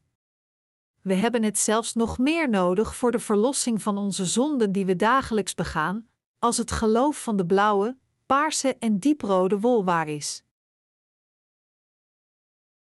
Zou God behaagd zijn als we Hem de producten van onze eigen inspanningen geven? Als we God de dingen van de aarde zouden geven, zouden we niet alleen de toorn van God over ons verzamelen, maar we zouden ook een grote zonde begaan door Hem uit te dagen. Zo'n geloof is verraderlijk, want het werkt God tegen. Niets in deze wereld, hoe waardevol en duur het ook mogen zijn, kan God ooit behagen. Het is nooit het juiste geloof dat door God aanbevolen kan worden om Hem zulke materiële dingen van de wereld aan te bieden. Het doet er niet toe hoe goed zij zijn in wereldlijke bewoordingen, God accepteert zulke materiële dingen niet. We moeten het geloof hebben dat God werkelijk van ons verlangt, en Hem dit geloof geven. Ons geloof moet zo zijn dat het in het woord van God gelooft zoals het is, een geloof dat precies de offers brengt waar God ons om gevraagd heeft. En de hele tijd, met ieder moment dat verstrijkt, moeten we ook herkennen wat God voor ons heeft gedaan, en we moeten onze eigen ongerechtigheden en fouten ook toegeven. We moeten ons de overvloedige zegens herinneren die God ons heeft geschonken, en we moeten precies weten en geloven in wat Hij voor ons heeft gedaan, en dat Hij ons bereidwillig ontmoet heeft. We moeten al ons geloof van de mystiek verwerpen en we moeten slechts het geloof hebben dat in het woord dat door God gesproken werd, geloven.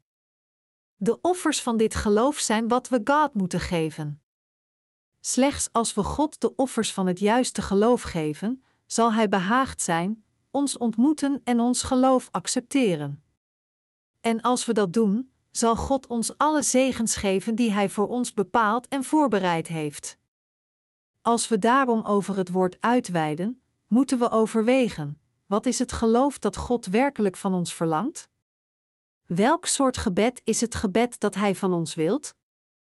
Dan realiseren we ons dat het gebed dat God van ons wilt, geen ander gebed is dan het gebed binnenin het geloof.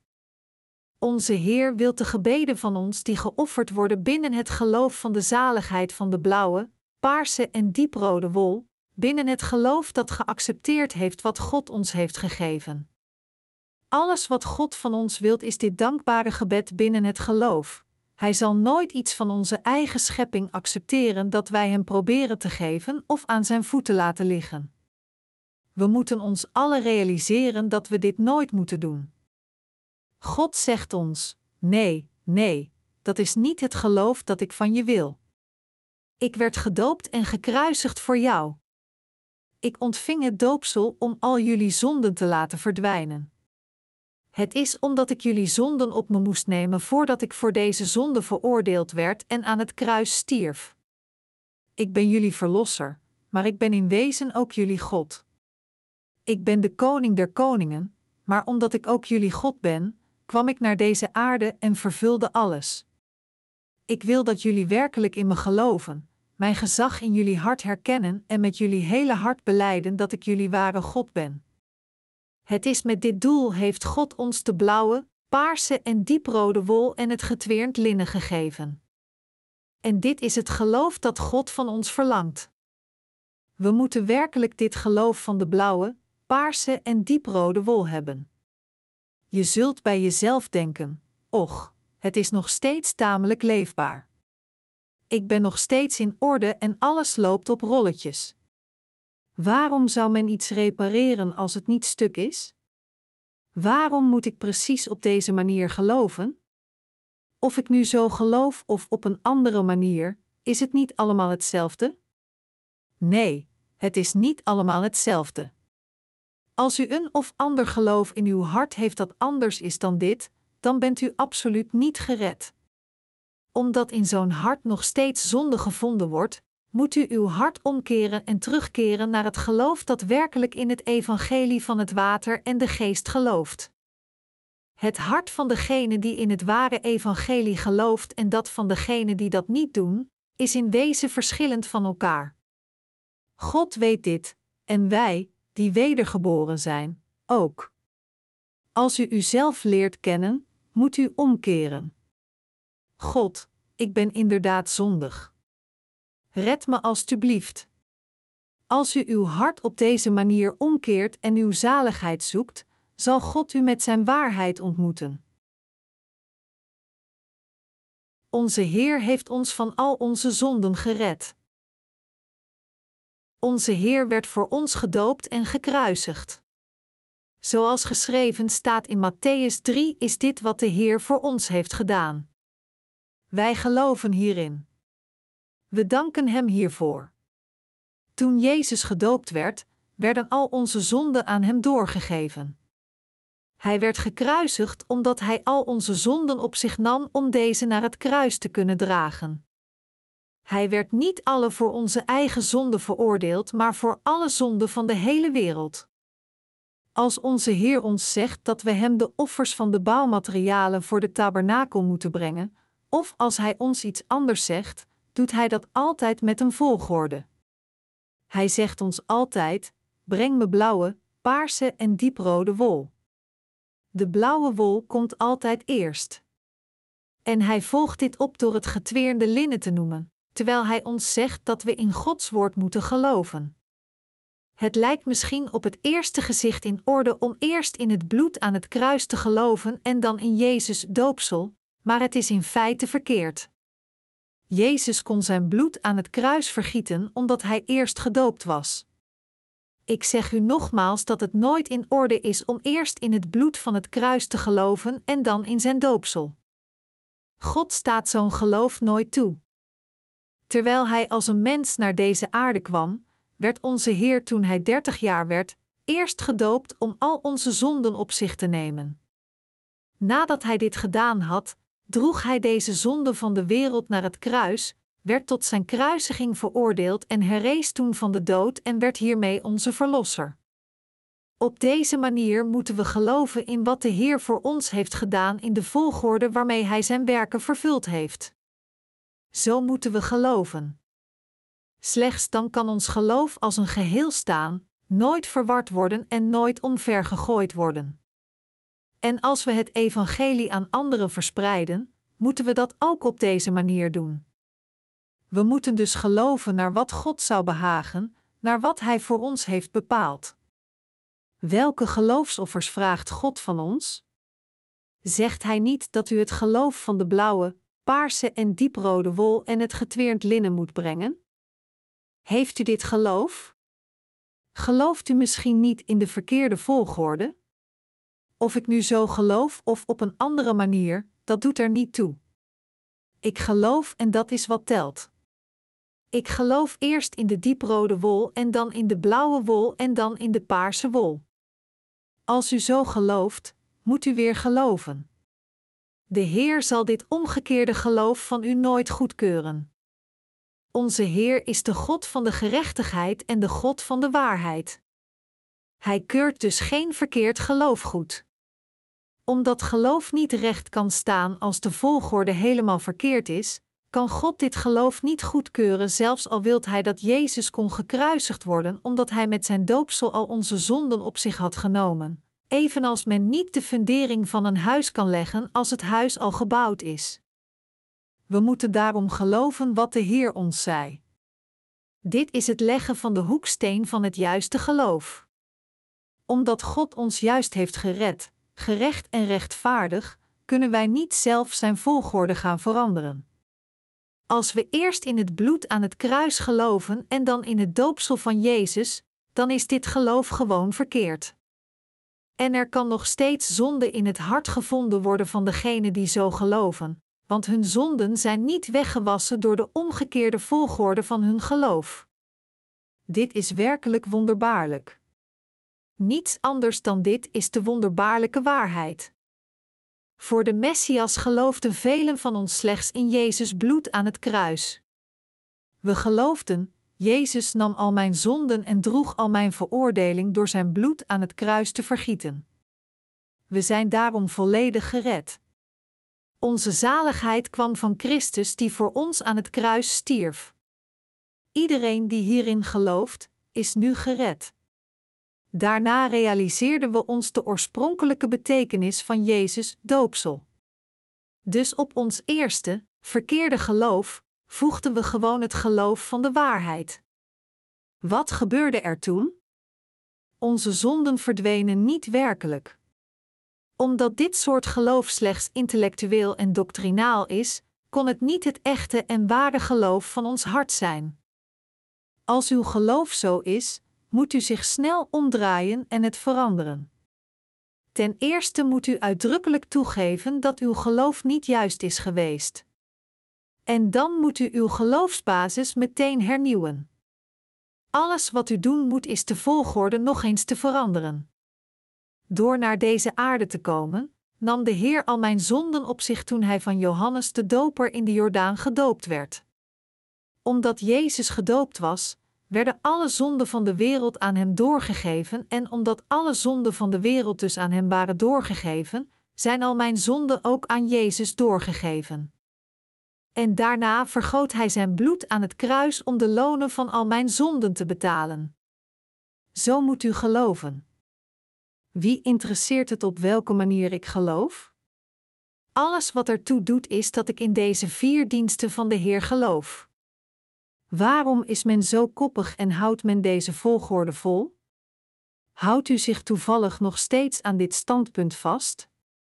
U moet deze waarheid dan in uw hart nemen: Jezus stierf aan het kruis nadat hij gedoopt was. En dit is de waarheid waarin u moet geloven. De Heilige Geest keurt geen ongerechtigheid goed. God de Heilige Geest keurt ons geloof alleen maar goed als wij geloven in wat de Messias voor ons op deze aarde gedaan heeft. De Heilige Geest zegt niet, dus jij gelooft in alle vier de werken van Jezus. Amen. Of je nu goed gelooft of in de verkeerde volgorde, of je op deze of een andere manier gelooft, dat is in orde zolang je maar gewoon gelooft. Amen. Goed dan, je bent mijn kind. Jezus de Messias kwam naar deze aarde volgens de wil van God de Vader en deed wat de Vader gebood. Zo leefde hij zijn 33 jaar op deze aarde. Toen hij naar deze aarde kwam, vervulde hij zijn werk van onze zaligheid door gedoopt, gekruisigd en herrezen te worden en daarna naar de hemel op te stijgen. En hij heeft ons de Heilige Geest gezonden. God de Heilige Geest is aanwezig in de harten van degenen onder ons die de verlossing van de zonden hebben gekregen, en hij keurt het geloof van degenen die geloven wat de Heer voor hen gedaan heeft zoals het is, goed. Daarom kunnen we nooit volgens onze eigen gedachten geloven. Gelooft u niet toevallig, volgens de verkeerde volgorde, ook al geloven wij allemaal in Jezus? Indien ja, dan moet u weer juist gaan geloven.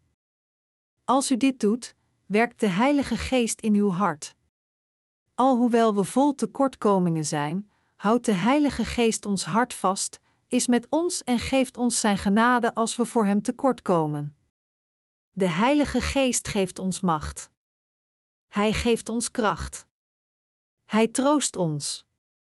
Hij zegent ons. Hij belooft ons een schitterende toekomst.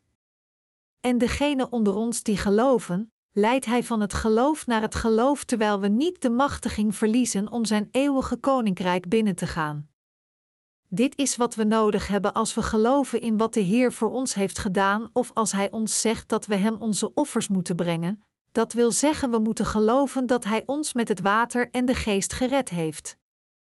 Alle gebruiksvoorwerpen in de tabernakel zijn belangrijk omdat zij ons allemaal consequent over het geheim van de wedergeboorte van het water en de geest vertellen. God wilt ons, met andere woorden, met zoveel dingen van de tabernakel over een ding vertellen, het evangelie van het water en de geest. De geloofsbasis is van enorm belang voor ons geloof.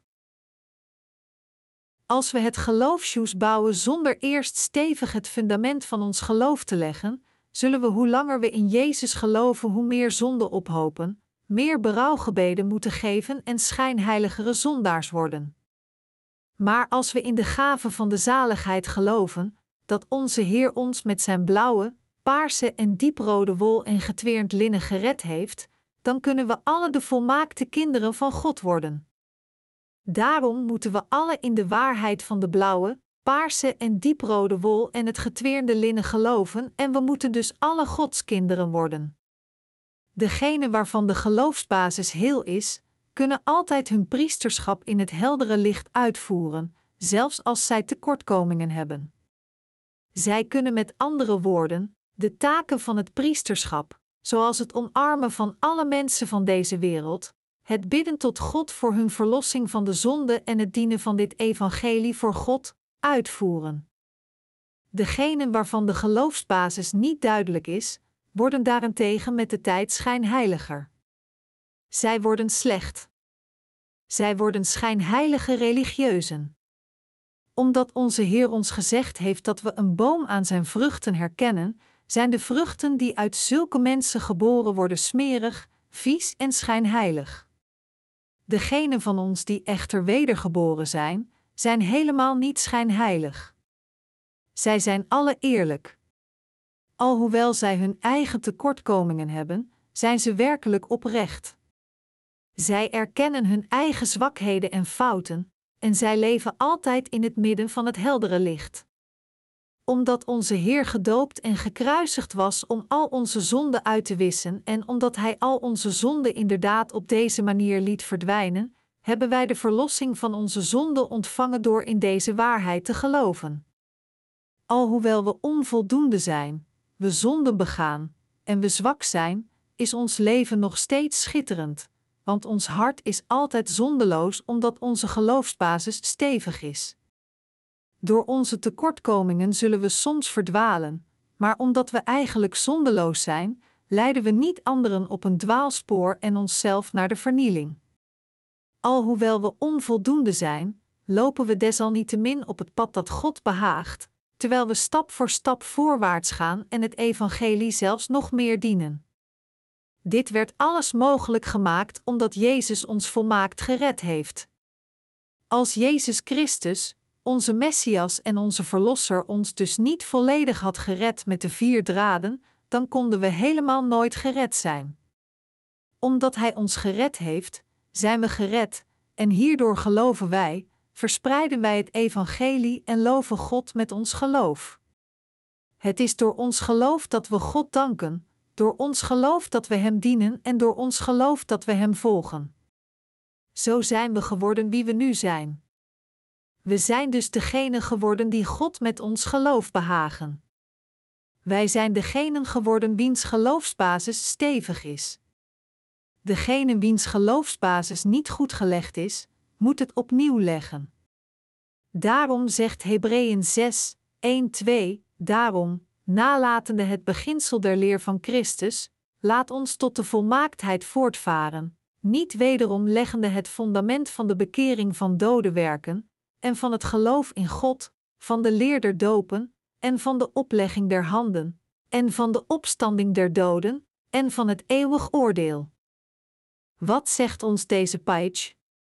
Het zegt ons dat we duidelijk moeten weten en bevestigen en stevig de basis moeten leggen voor vragen als: waarom werd Jezus gedoopt? Is dit doopsel het tegenbeeld van het opleggen van handen van het Oude Testament? Zullen we weer leven? En wat is het eeuwige oordeel? Het zegt ons dat we het hele geloof moeten hebben en vanaf het begin het fundament stevig moeten leggen, zodat we nooit omvergeworpen nog gedwongen worden om de fundamenten nog eens te leggen door deze dingen. Het geloof dat in de blauwe, paarse en dieprode wol en het getweerde linnen gelooft, is het hele geloof dat gelooft dat onze Heer onze zaligheid volmaakt heeft voltooid. We moeten stevig op deze geloofsbasis staan en we moeten van daaruit rennen. We moeten de wedstrijd van het geloof rennen. Sommige mensen vertalen de bovenstaande passage van Hebreeën zo dat we niet nog eens kunnen zeggen dat onze zonden door zijn doopsel aan Jezus zijn doorgegeven en ze zeggen dat de passage ons zegt dat we het niet nodig hebben om weer een geloofsbasis te bouwen. Maar zou God ons dan zeggen dat we onze geloofsbasis niet moeten herbouwen als het op de eerste plaats niet goed gebouwd is? Deze passage vertelt ons dat degenen die niet de juiste geloofsbasis hebben, deze basis moeten leggen en dat degenen die een juiste geloofsbasis hebben, het nog vaster en steviger moeten maken en voorwaarts moeten rennen. Om ons te redden, gebood God Mozes de tabernakel te bouwen en de offers van zijn volk te accepteren. Tot het volk van Israël gebood hij dat ze hem goud, zilver en brons moesten brengen en blauwe, paarse en dieprode wol, getweerd linnen en geitenharen, roodgeverfde ramsvellen, dassenhuiden en sitimhout. Net zoals in deze materialen uitgelegd wordt, heeft onze Heer ons inderdaad de gave van de zaligheid gegeven door u en mij van de zonde van de wereld te verlossen. Op deze manier had God de Israëli's eigenlijk verteld dat ze hem deze offers moesten brengen, de tabernakel moesten bouwen, het opofferingssysteem moesten oprichten, en dat hij de zonden van de Israëli's die hem hun zondeoffer gaven volgens de vereisten van dit opofferingssysteem, zou vergeven. Ons geloof is heel gemaakt door in de blauwe, paarse en dieprode wol en het getweerde linnen, dat ons de volmaakte vervulling van onze zaligheid voorspelde door Jezus Christus, te geloven. Als we niet in een keer de basis van ons geloof stevig leggen, omdat we niet in staat zijn in de volmaakte waarheid te geloven die door Jezus Christus vervuld werd, dan zou ons geloof constant opgeschud worden. Zonder de kennis, de verwezenlijking en het geloof in het feit dat onze Heer ons volledig gered heeft, zullen we uiteindelijk proberen om onze zaligheid te verkrijgen door onze eigen inspanningen. Zo'n geloof is niet volledig, maar het is een vergissing.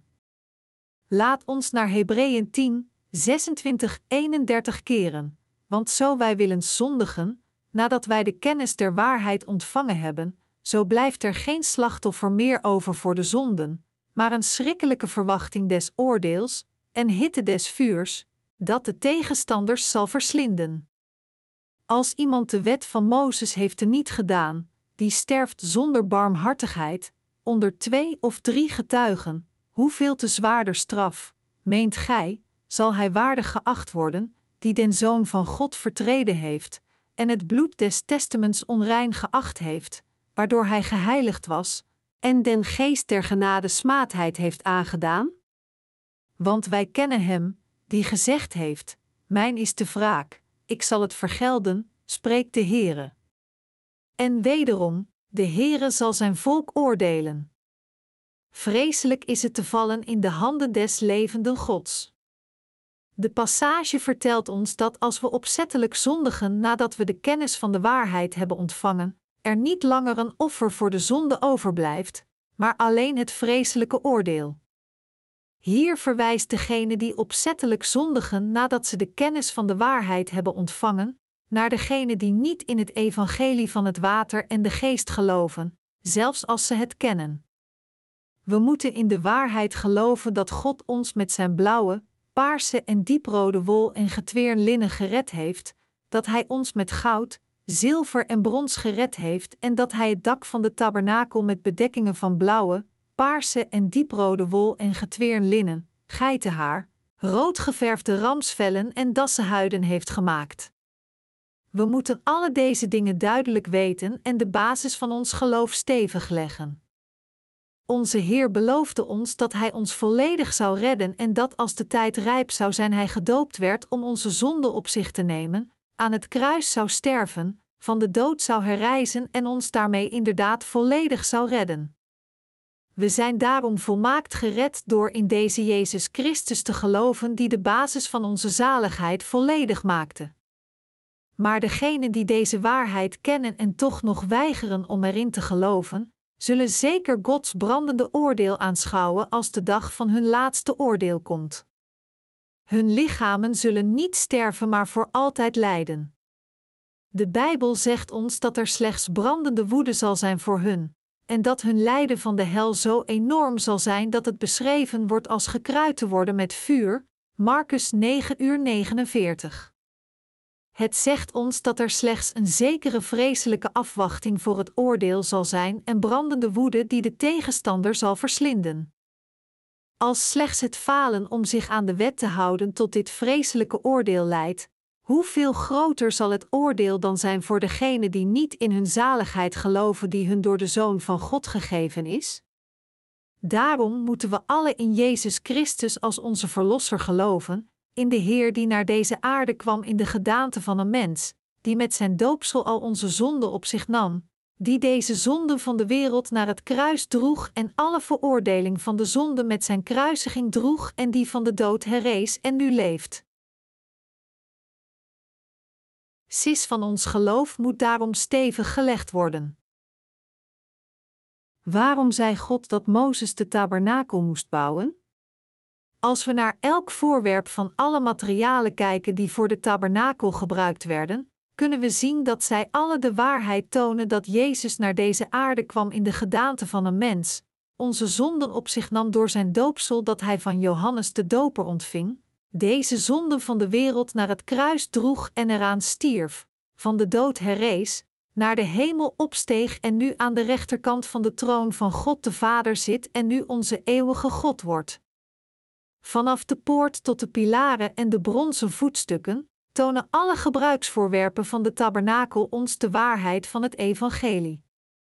Het hele Oude Testament vertelt ons met andere woorden over het doopsel van Jezus Christus, zijn offer, zijn identiteit en zijn werken van zaligheid.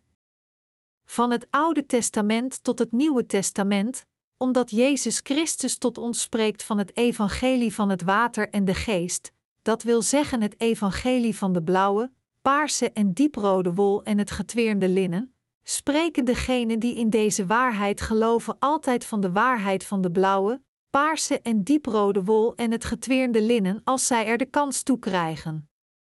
Omdat zij dit zo vaak gepreekt en gehoord hebben, zullen zij soms misschien zelfs vergeten hoe waardevol deze waarheid is. Maar hoe belangrijk is deze waarheid wel niet? Alsof we onder koning Salomons heerschappij leefden toen waardevol goud en zilver zo overvloedig was dat het behandeld werd als steen, zullen we soms deze zaligheid als vanzelfsprekend aannemen omdat we dit woord van waarheid iedere dag horen in Gods kerk.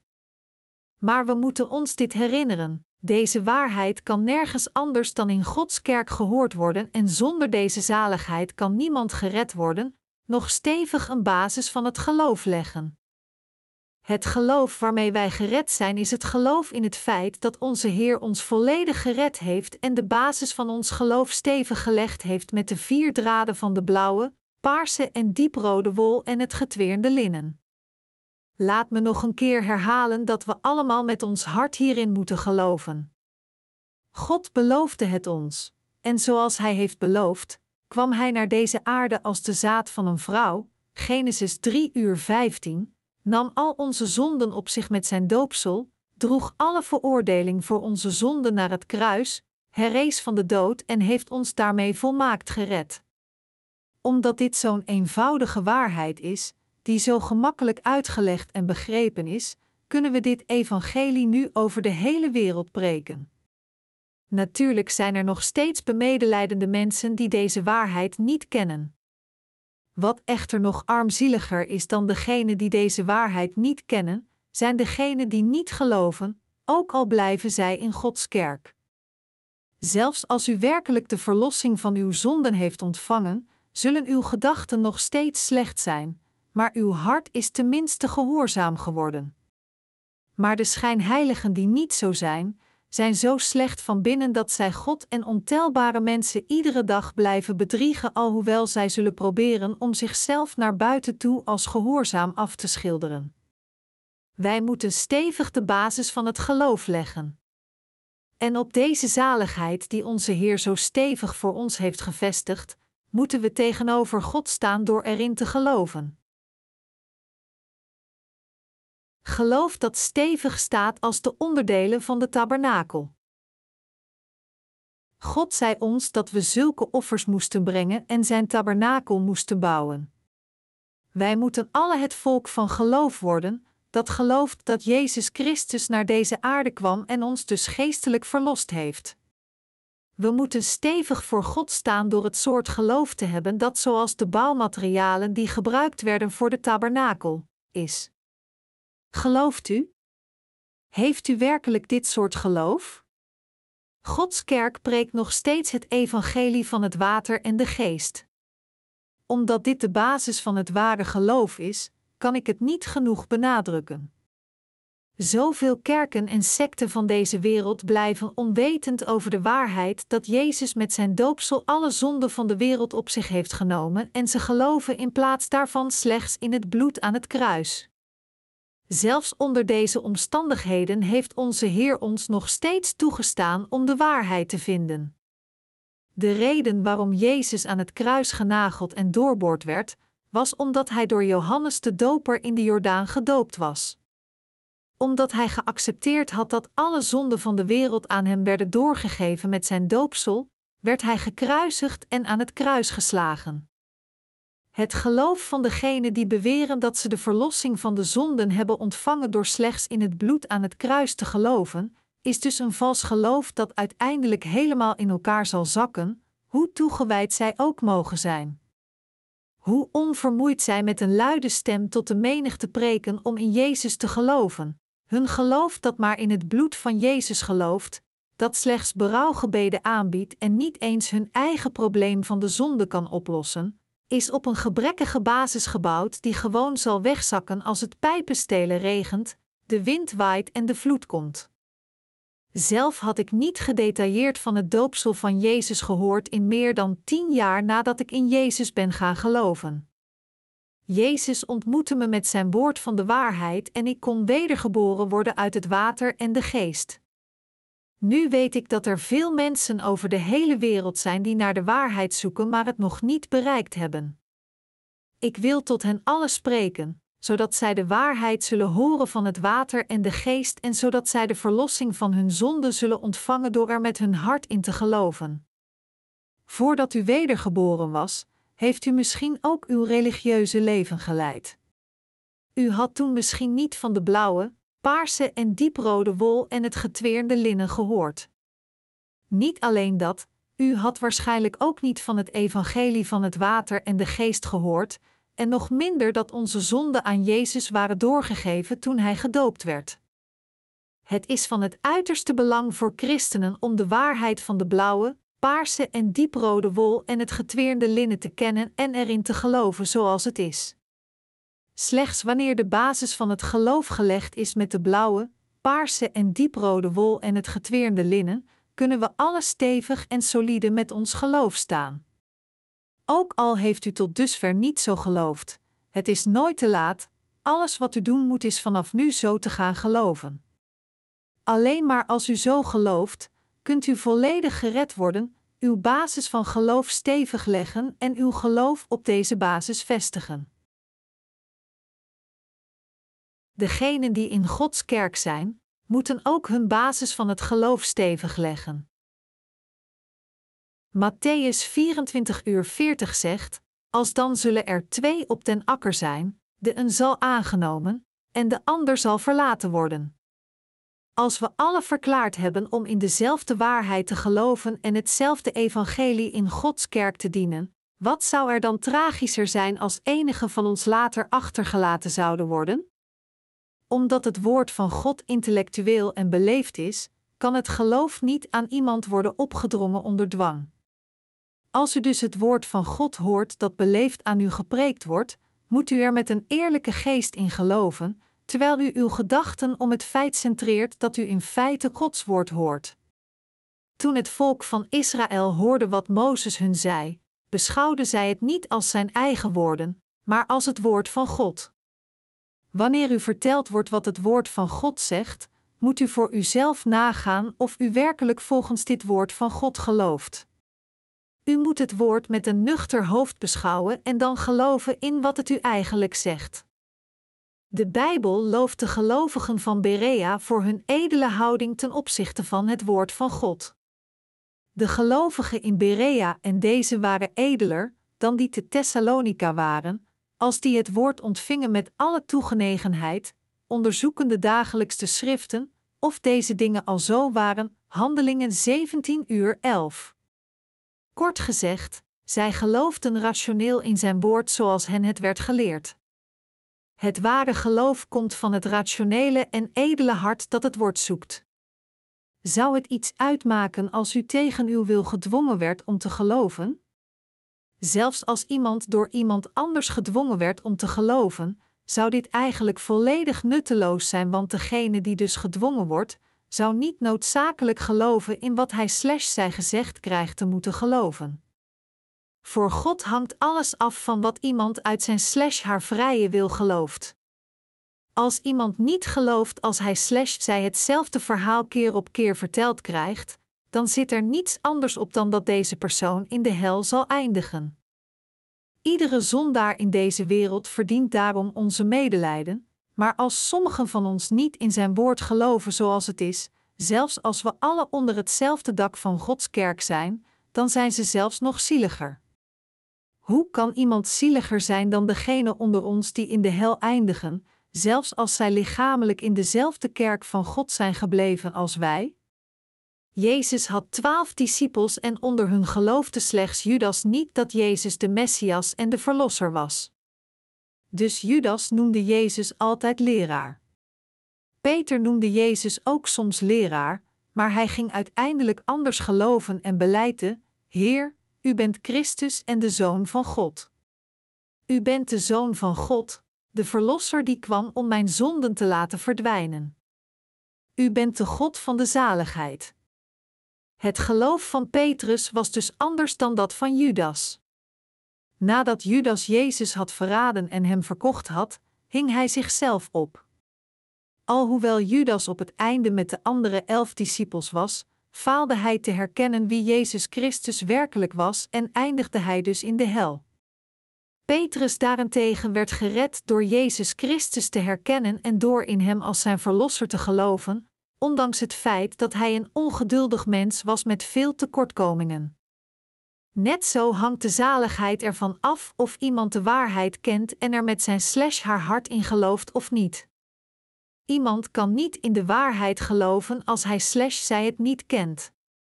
Als mensen echter niet in de waarheid geloven, zelfs als zij het kennen, zullen zij nog grotere straffen aanschouwen. Lucas 12 uur 48. Zo vertelt God ons dat de basis van ons geloof stevig en eerlijk moet zijn. Hoe is ons geloof?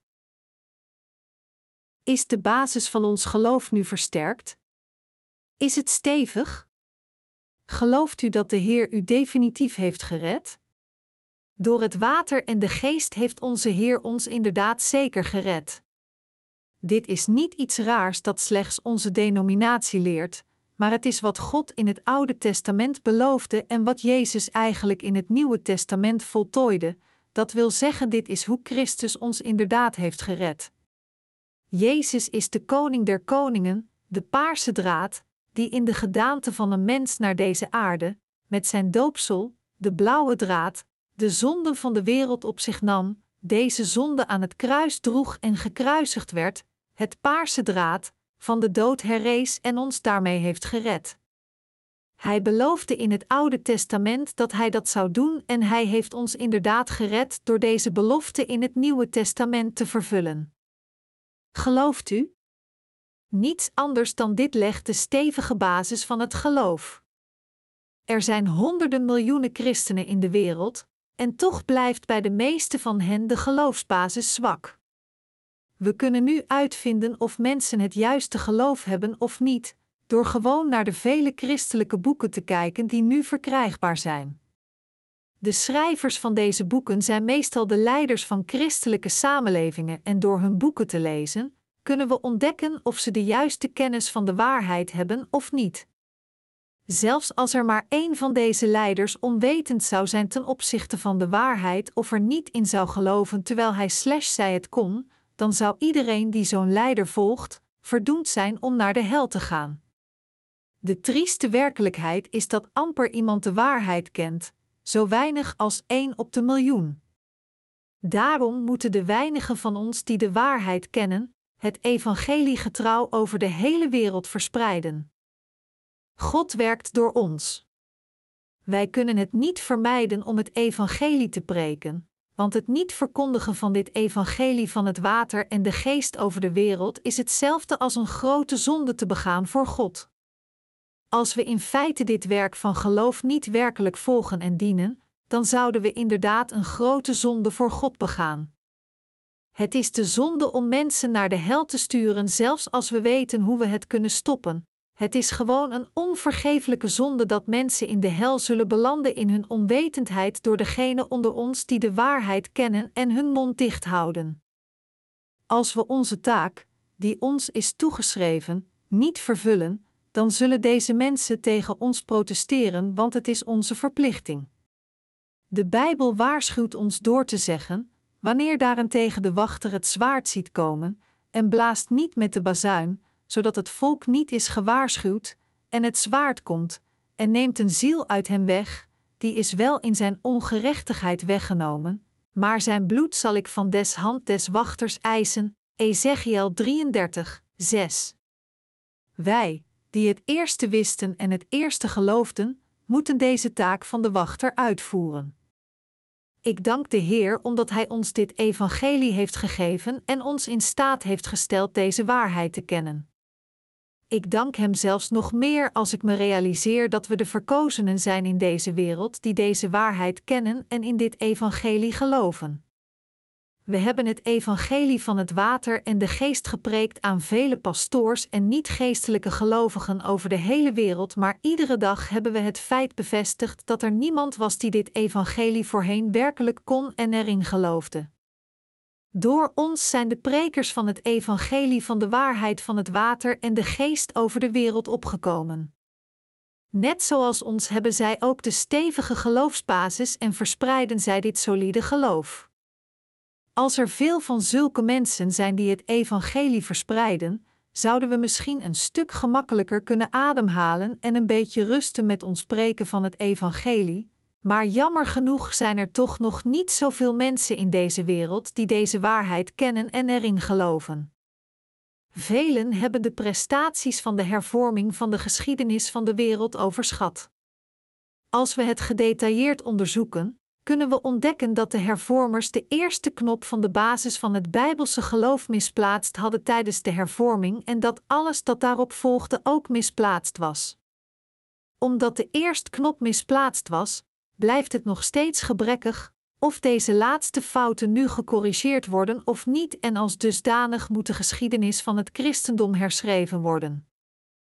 Ik hoop en bid dat u alle voor God kunt staan op uw solide geloofsbasis en dat u op deze basis van geloof uw levens zult leiden voor het dienen van het ware evangelie. Als u voor het evangelie leeft, zal uw hart natuurlijk gevuld worden met vreugde. Als iemand voor het evangelie leeft, wordt zijn slash haar hart omgevormd tot een geestelijk hart. En terwijl de Heilige Geest uw hart vult en erin werkt, zult u alle overstromen met vreugde. Maar als u niet voor het evangelie leeft, maar slechts de verlangens van uw vlees nastreeft, zelfs als u de verlossing van de zonde heeft ontvangen en het evangelie van het water en de geest kent, dan zult u een betekenisloos leven leiden, lege levens. Ik dank God omdat Hij ons dit waardevolle evangelie heeft gegeven en omdat Hij ons onze zaligheid gratis heeft gegeven. Het is mijn gebed en hoop dat u alle uw geloof nog eens zult onderzoeken en de gave van de volmaakte zaligheid zult ontvangen door de blauwe, paarse en dieprode wol en het getweerde linnen.